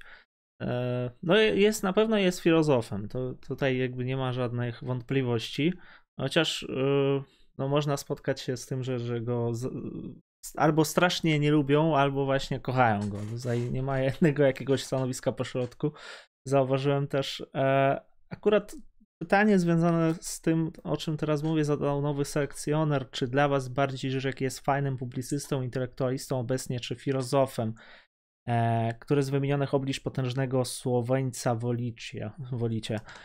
No, jest chyba czy fajnym publicystą, intelektualistą. No, dla mnie jest i tym, i tym fajnym. Natomiast y, tą część filozoficzną y, powiem szczerze, że jakby dopiero się z nią zapoznaję właśnie na streamach z Bartoszem Wójcikiem. E, od Ramsa się dowiaduję i to już od dłuższego czasu trwa, natomiast nie mam, musiałbym po prostu przysiąść i chyba zacząć czytać jedna po drugiej te książki, jakieś tezy spójne znaleźć.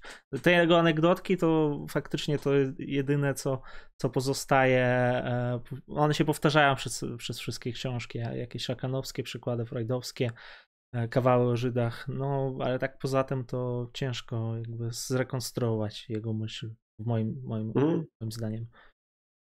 No. Jasne. Ja myślę, że Żyżek generalnie ma trzy oblicza. E, dla typowego odbiorcy Żyżek przede wszystkim jest memem, tak mi się wydaje. Jest takim śmiesznym kolesiem, który ma dziwny akcent, często wykonuje jakieś takie tiki i, i właśnie opowiada jakieś takie nieco sprośne żarty, e, triggerując rozmaitych ludzi.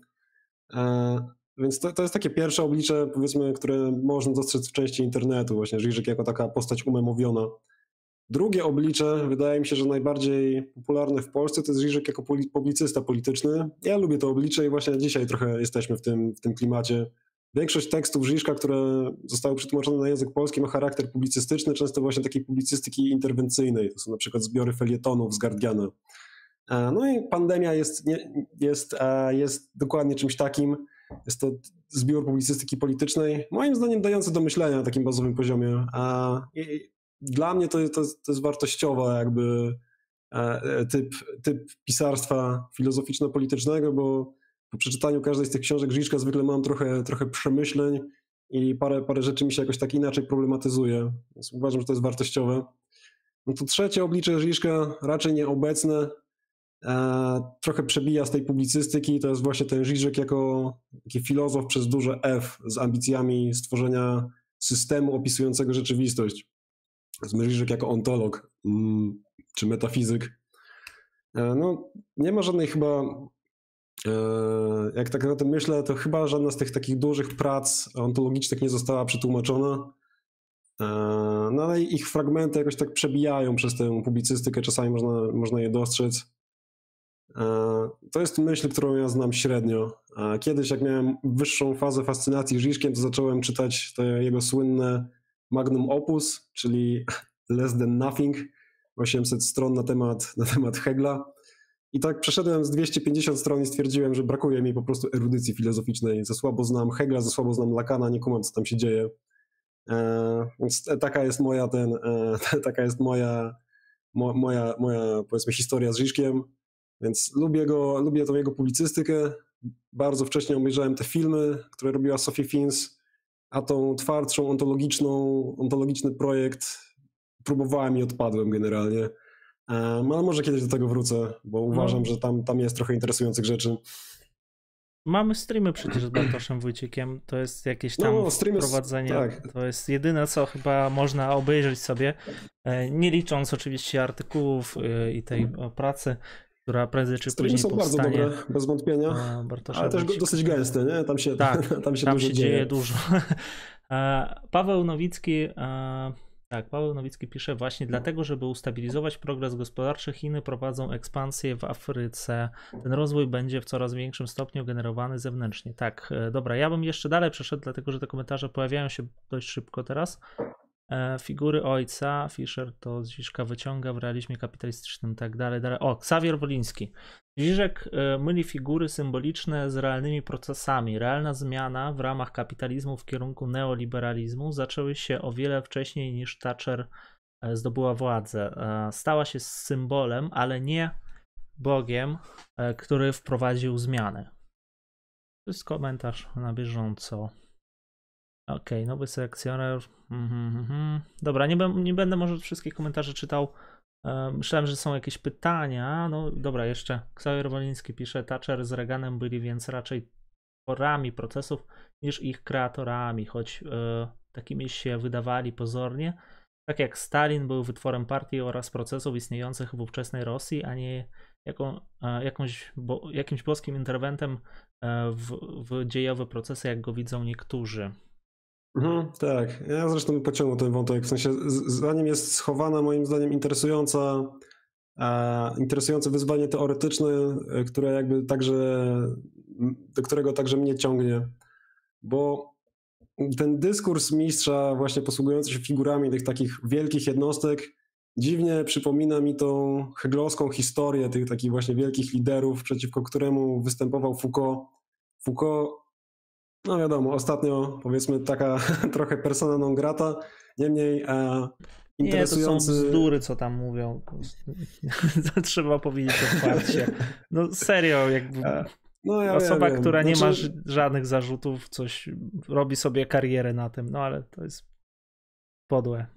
No jest. E, to też, też moglibyśmy się do tego dłużej odnieść, bo historia jest ciekawa, też sobie o niej wczoraj czytałem i wydaje mi się bardziej problematyczna niż wcześniej, ale dobra, nieważne. E, chodzi o tą sprawę z Tunezji, nie? że zarzuty pedofilskie względem Foucault. No ale pomijając jakby, pomijając jakby, tymczasowo zawieszając, jakby biorąc, dokonując aktu enklamerung w stylu Husserla, czyli chwilowo bierzemy to w nawias, Foucault jest dosyć dobrym myślicielem politycznym, właśnie wskazującym na siłę historyczną takich powolnych zmian, długotrwałych procesów, e, a nie, a nie wielkich jednostek. To jest ta taka wizja tej historii właśnie, gdzie, gdzie ważne są zmiany cen zboża, a nie to, kto jest generałem jakiejś armii, czyli minimalizujące jakby właśnie znaczenie tych takich wielkich figur.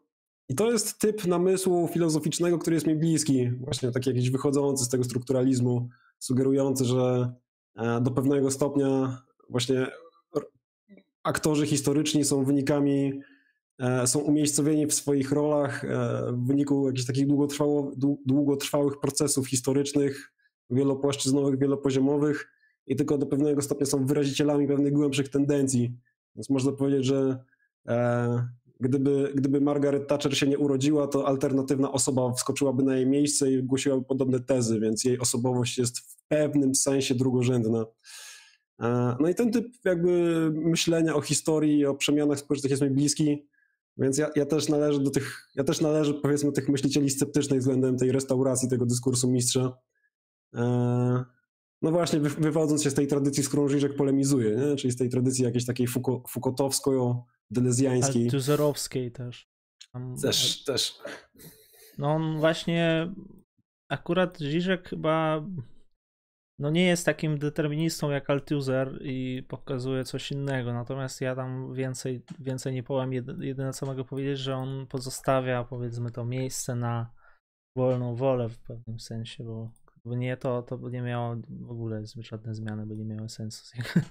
No ale to już inny, inna inny wątek. Znaczy, dla mnie to w ogóle jest interesujące, bo on, tak jak Badiou, pracuje na tradycji myślicieli dosyć mocno postulujących właśnie mm, powiedzmy jakąś taką słabą podmiotowość w dużej mierze. Z jednej strony mamy tego Lakana, gdzie jakby język mówi podmiotem, a nie podmiot mówi językiem.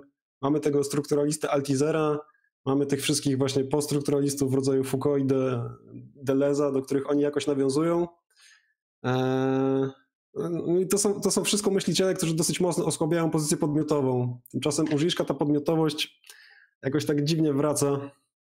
Eee, tylko, że, też jest rozumiana właśnie nie, ta podmiotowość jako ta negatywność. Nie, nie chcę to wchodzić, bo tutaj będzie. No, ale tam jest też kartezjańskie jeszcze twierdzenie Kogito, które u niego też się pojawia i on też w tej książce o pandemii e, zwraca na to uwagę, tylko w innym kontekście trochę.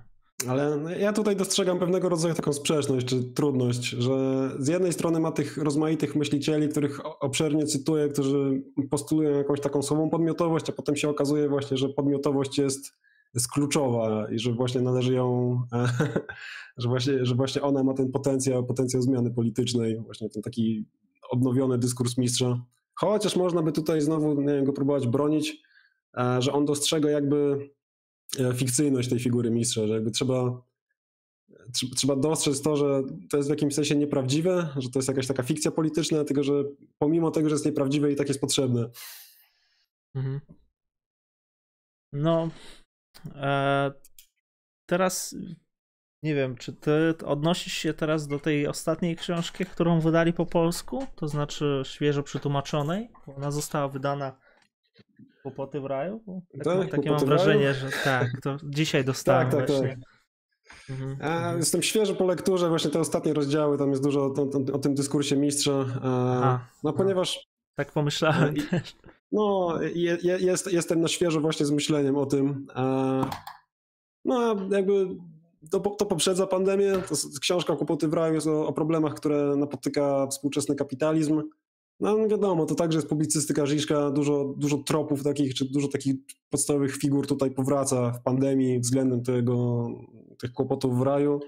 A ponieważ jest trochę dłuższa, to tam ma więcej szans na zajęcie stanowiska filozoficznego. E, a też pomyślałem, że dobrze byłoby jakby mhm. od, odbić się od, tej, od tych książek o, o pandemii i trochę, trochę pogadać o tym, co w ogóle Żyżek postuluje.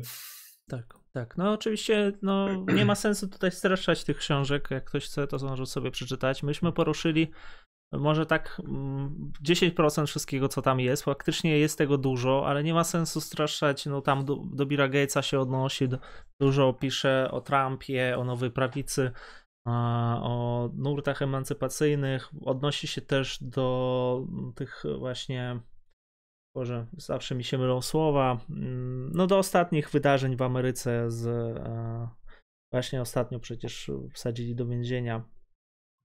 E, no wiesz o co mi chodzi, powiedz, bo ja już, ja już zapomniałem nazwisko nawet, skupiałem totalnie. E, w sensie teraz Dobra. Chodzi o te protesty, protesty na tle tak, dyskryminacji rasowej? Tak, na tle, na tle dyskryminacji No po, po zabójstwie George'a Floyda, tak? Black tak, Lives Matter. dokładnie. Tak, tak, tak. Black Lives Matter. On, on się odnosi do tego i ja tak nie do końca zrozumiałem jego stanowisko w tej kwestii, bo z jednej strony on pokazuje, że tak, faktycznie to jest e, walka o, e, o, o podmiotowość, o to, że o, rasizm, e, znaczy przeciwko rasizmowi, a z drugiej strony ciągle powtarza to jak zaklęcie takie e, ten, ten postulat właśnie o poprawności politycznej i o, o tym, że ona jest czymś właśnie takim no w pewnym sensie ma, ma, miałaby doprowadzić do podcięcia właśnie tych korzeni, na czym się trzyma co, cały potencjał emancypacyjny tych myślicieli, których się uważa za seksistów i tak dalej. No tak, e, rozdział o Black Lives Matter, czy o tych protestach na tle rasowym e, w Stanach Zjednoczonych, to jest czwarty w tej drugiej pandemii, czyli w tej wiem, bardziej fioletowej. Jedna jest taka bardziej fioletowa, druga jest taka bardziej różowa. Tak. I tytuł, tytuł jest dosyć wymowny, dlaczego niszczenie pomników nie jest wystarczająco radykalne. Jednym z zarzutów do tych protestujących było to, że oni jakby niszczyli, no, niszczyli, niszczyli pomniki rozmaitych figur ważnych dla amerykańskiego życia intelektualnego. Między innymi Kościuszki, tak?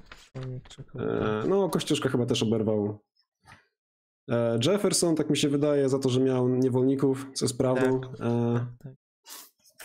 No i dalej jest dyskusja właśnie o tym, o tym jakby co warto zachować z tej tradycji intelektualnej, powiedzmy europejskiej. Czy, czy warto ją od razu tak odrzucić w imię właśnie tego, że nie wiem, oni są nie, nie dość dobrzy względem naszych współczesnych standardów, czy, czy trzeba ich zachować? No i ta zażiszka jest taka, że trzeba ich zachować generalnie, e, z, z uwagi na to, że, że oni prezentują jakiś taki rodzaj uniwersalizmu, który jest istotny. E, nawet jeśli ich, tam nie wiem, szczątk, konkretne wypowiedzi czy działania polityczne nie, nie przystają do współczesnego standardu, jaki byśmy sobie wyobrażali. No właśnie Jefferson miał niewolników na przykład, czyli no, no słabo generalnie.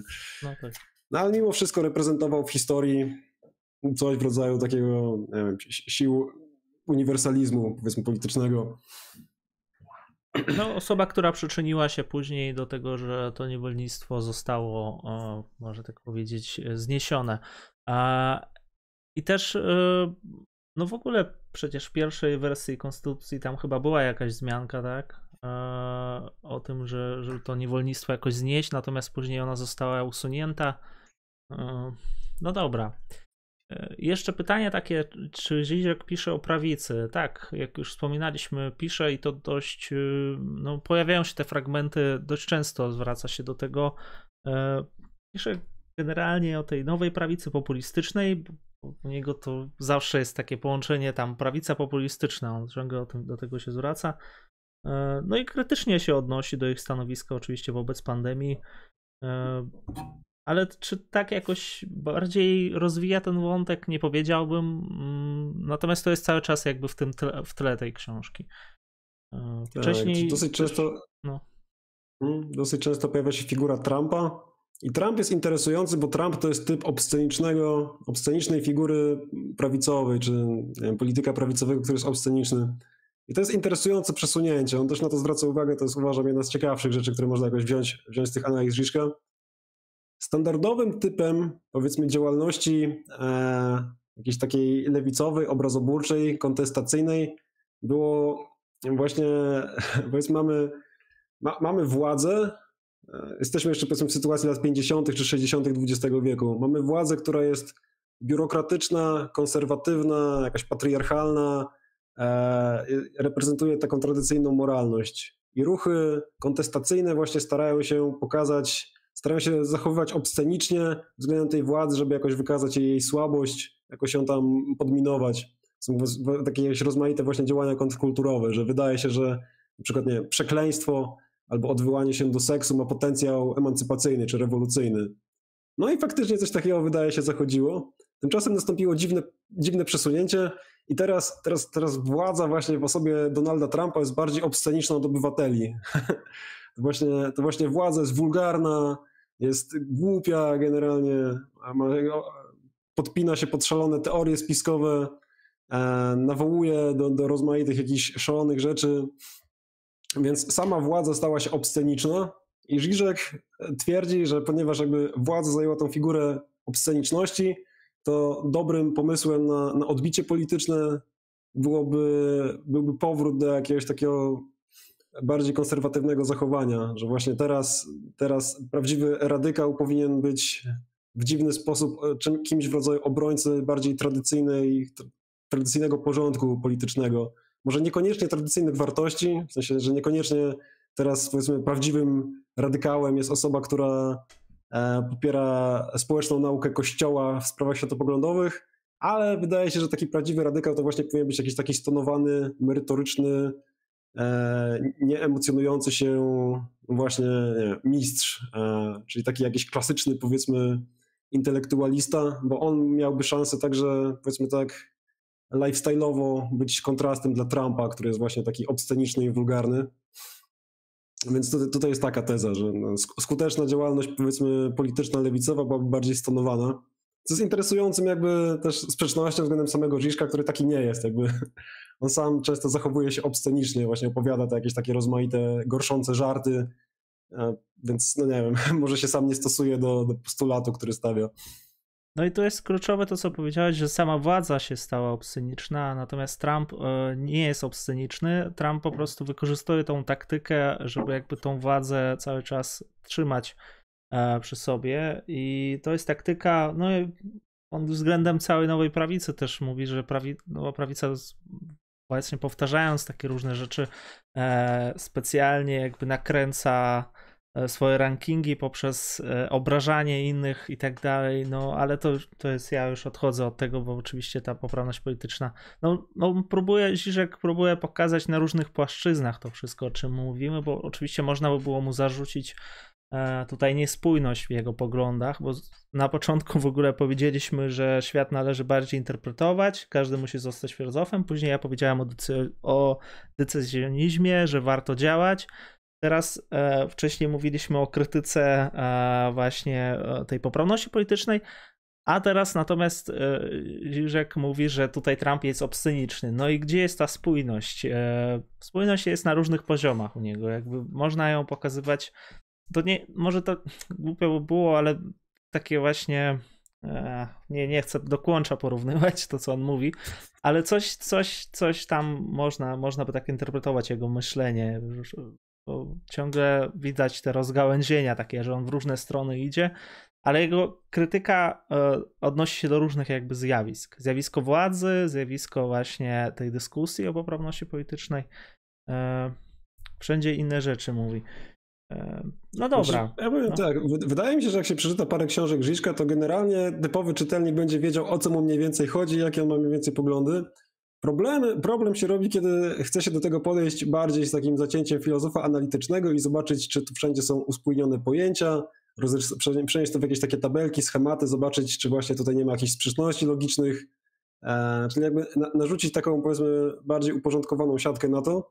I wydaje mi się, że jeśli by się spróbowało coś takiego zrobić, to ta publicystyka się trochę rozjedzie. W sensie okaże się, że te cząstkowe komentarze Żiszka, jeśli by z nich wyciągnąć jakieś takie zasady, powiedzmy, postępowania politycznego, to się okaże, że no, wychodzi jakaś niespójność. Że z jednej strony nawołuje właśnie, żeby przestać działać E, no, a wziąć się do myślenia, do budowania tego teoretycznego jakby modelu współczesności, a z drugiej strony mówi tam ma, masę działań, jakie należy podejmować.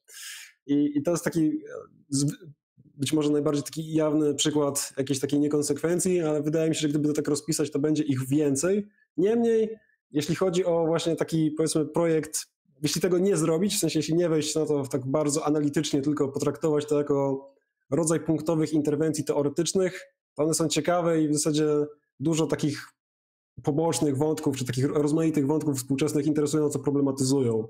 A, jest w tym jakaś taka spójność na takim, takim trochę szerszym znaczeniu, w sensie, że Żyżek ma stałe punkty odniesienia, ma stały aparat teoretyczny, w, stałych ok okresach wracają Hegel, Lacan, e, e, Marx, więc, więc to, to jest uspójnione, ale nie jest być może w pełni spójne.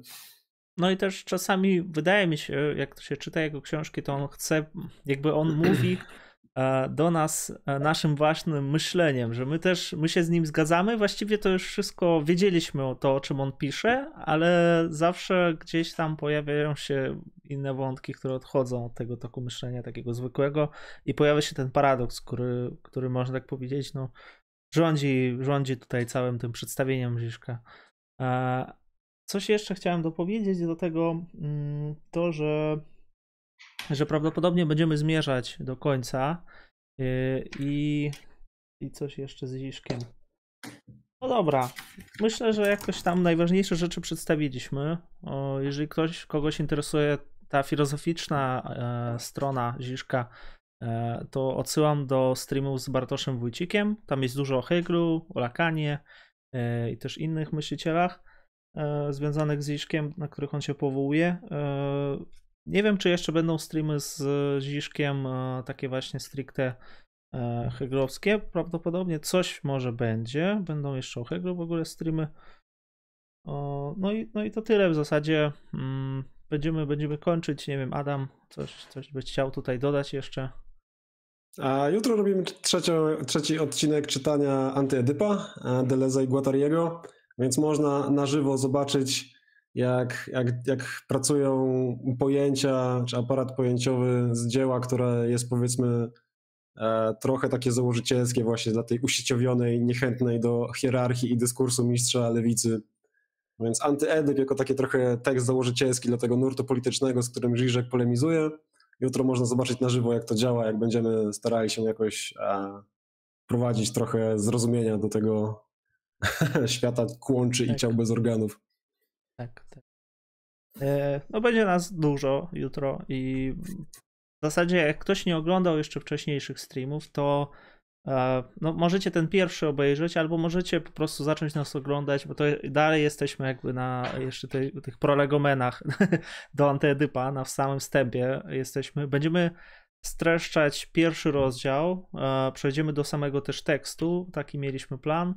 E, no i te wydarzenia będą, będą e, jeszcze będzie, trochę więcej będzie e, z czytania Antyedypa i w ogóle z Deleza Guattariego, bo poruszamy oczywiście wiele innych wątków. Też zapraszam wszystkich w niedzielę na stream z, ze wstępu do Pierre'a Bourdieu. Tam też będzie dużo mówione. Dobra, to chyba tyle. Dziękujemy wszystkim jeszcze raz. Forever Young, dzięki pa. Coś pokrzepiającego na koniec powiedzcie. E, coś pokrzepiającego. A, hmm. Dobra. A, może nie, to nie jest do końca pokrzepiające, ale to jest moim zdaniem coś wartościowego. Ja faktycznie uważam, że trochę brakuje współcześnie takiego, takiej dobrej teorii przez duży T, takiego całościowego namysłu nad rzeczywistością, bo ta tak zwana duża teoria French, French Theory, czy tam Theory, e, powstała głównie w latach 70. i 80., więc minęło 40-50 lat, świat poszedł mocno do przodu, pojawił się internet. Trochę tego brakuje, więc ja bym się podpisał pod tym postulatem Żiszka, że brakuje nam jakby e, dobrego modelu tego, czym jest współczesność i że warto, warto filozofować, bo, bo filozofowie właśnie tworzą te takie duże, duże teorie.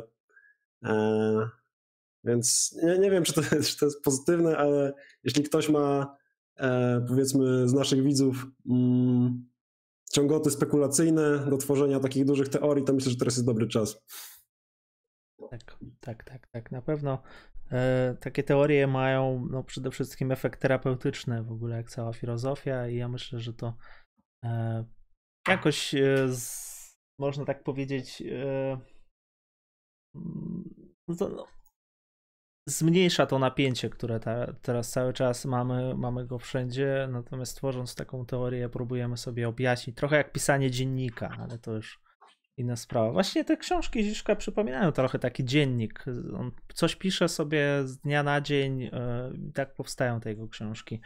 Widać, że nagle na bieżąco wszystko analizuje. No i to jest w ogóle bardzo śmiałe podejście, e, żeby tak od razu oceniać wszystko. Filozofowie akurat, no nie wiem czy większość, ale są bardzo znani z tego, że starają się nie wypowiadać takich sądów e, futurystycznych, a Ziżek nie jest futurystą. No, no dobra. Wiadomo, sowa Minerwy wylatuje z zapadającym zmierzchem, jak twierdzi jeden z idoli Żiżka, czyli, czyli Hegel. No a tutaj jakby sowa, sowa leci od razu. Tak. E, Bourdieu, Filip przyszły terapeuta. Dobrze, e, dziękujemy i do zobaczenia do jutra. Jasne.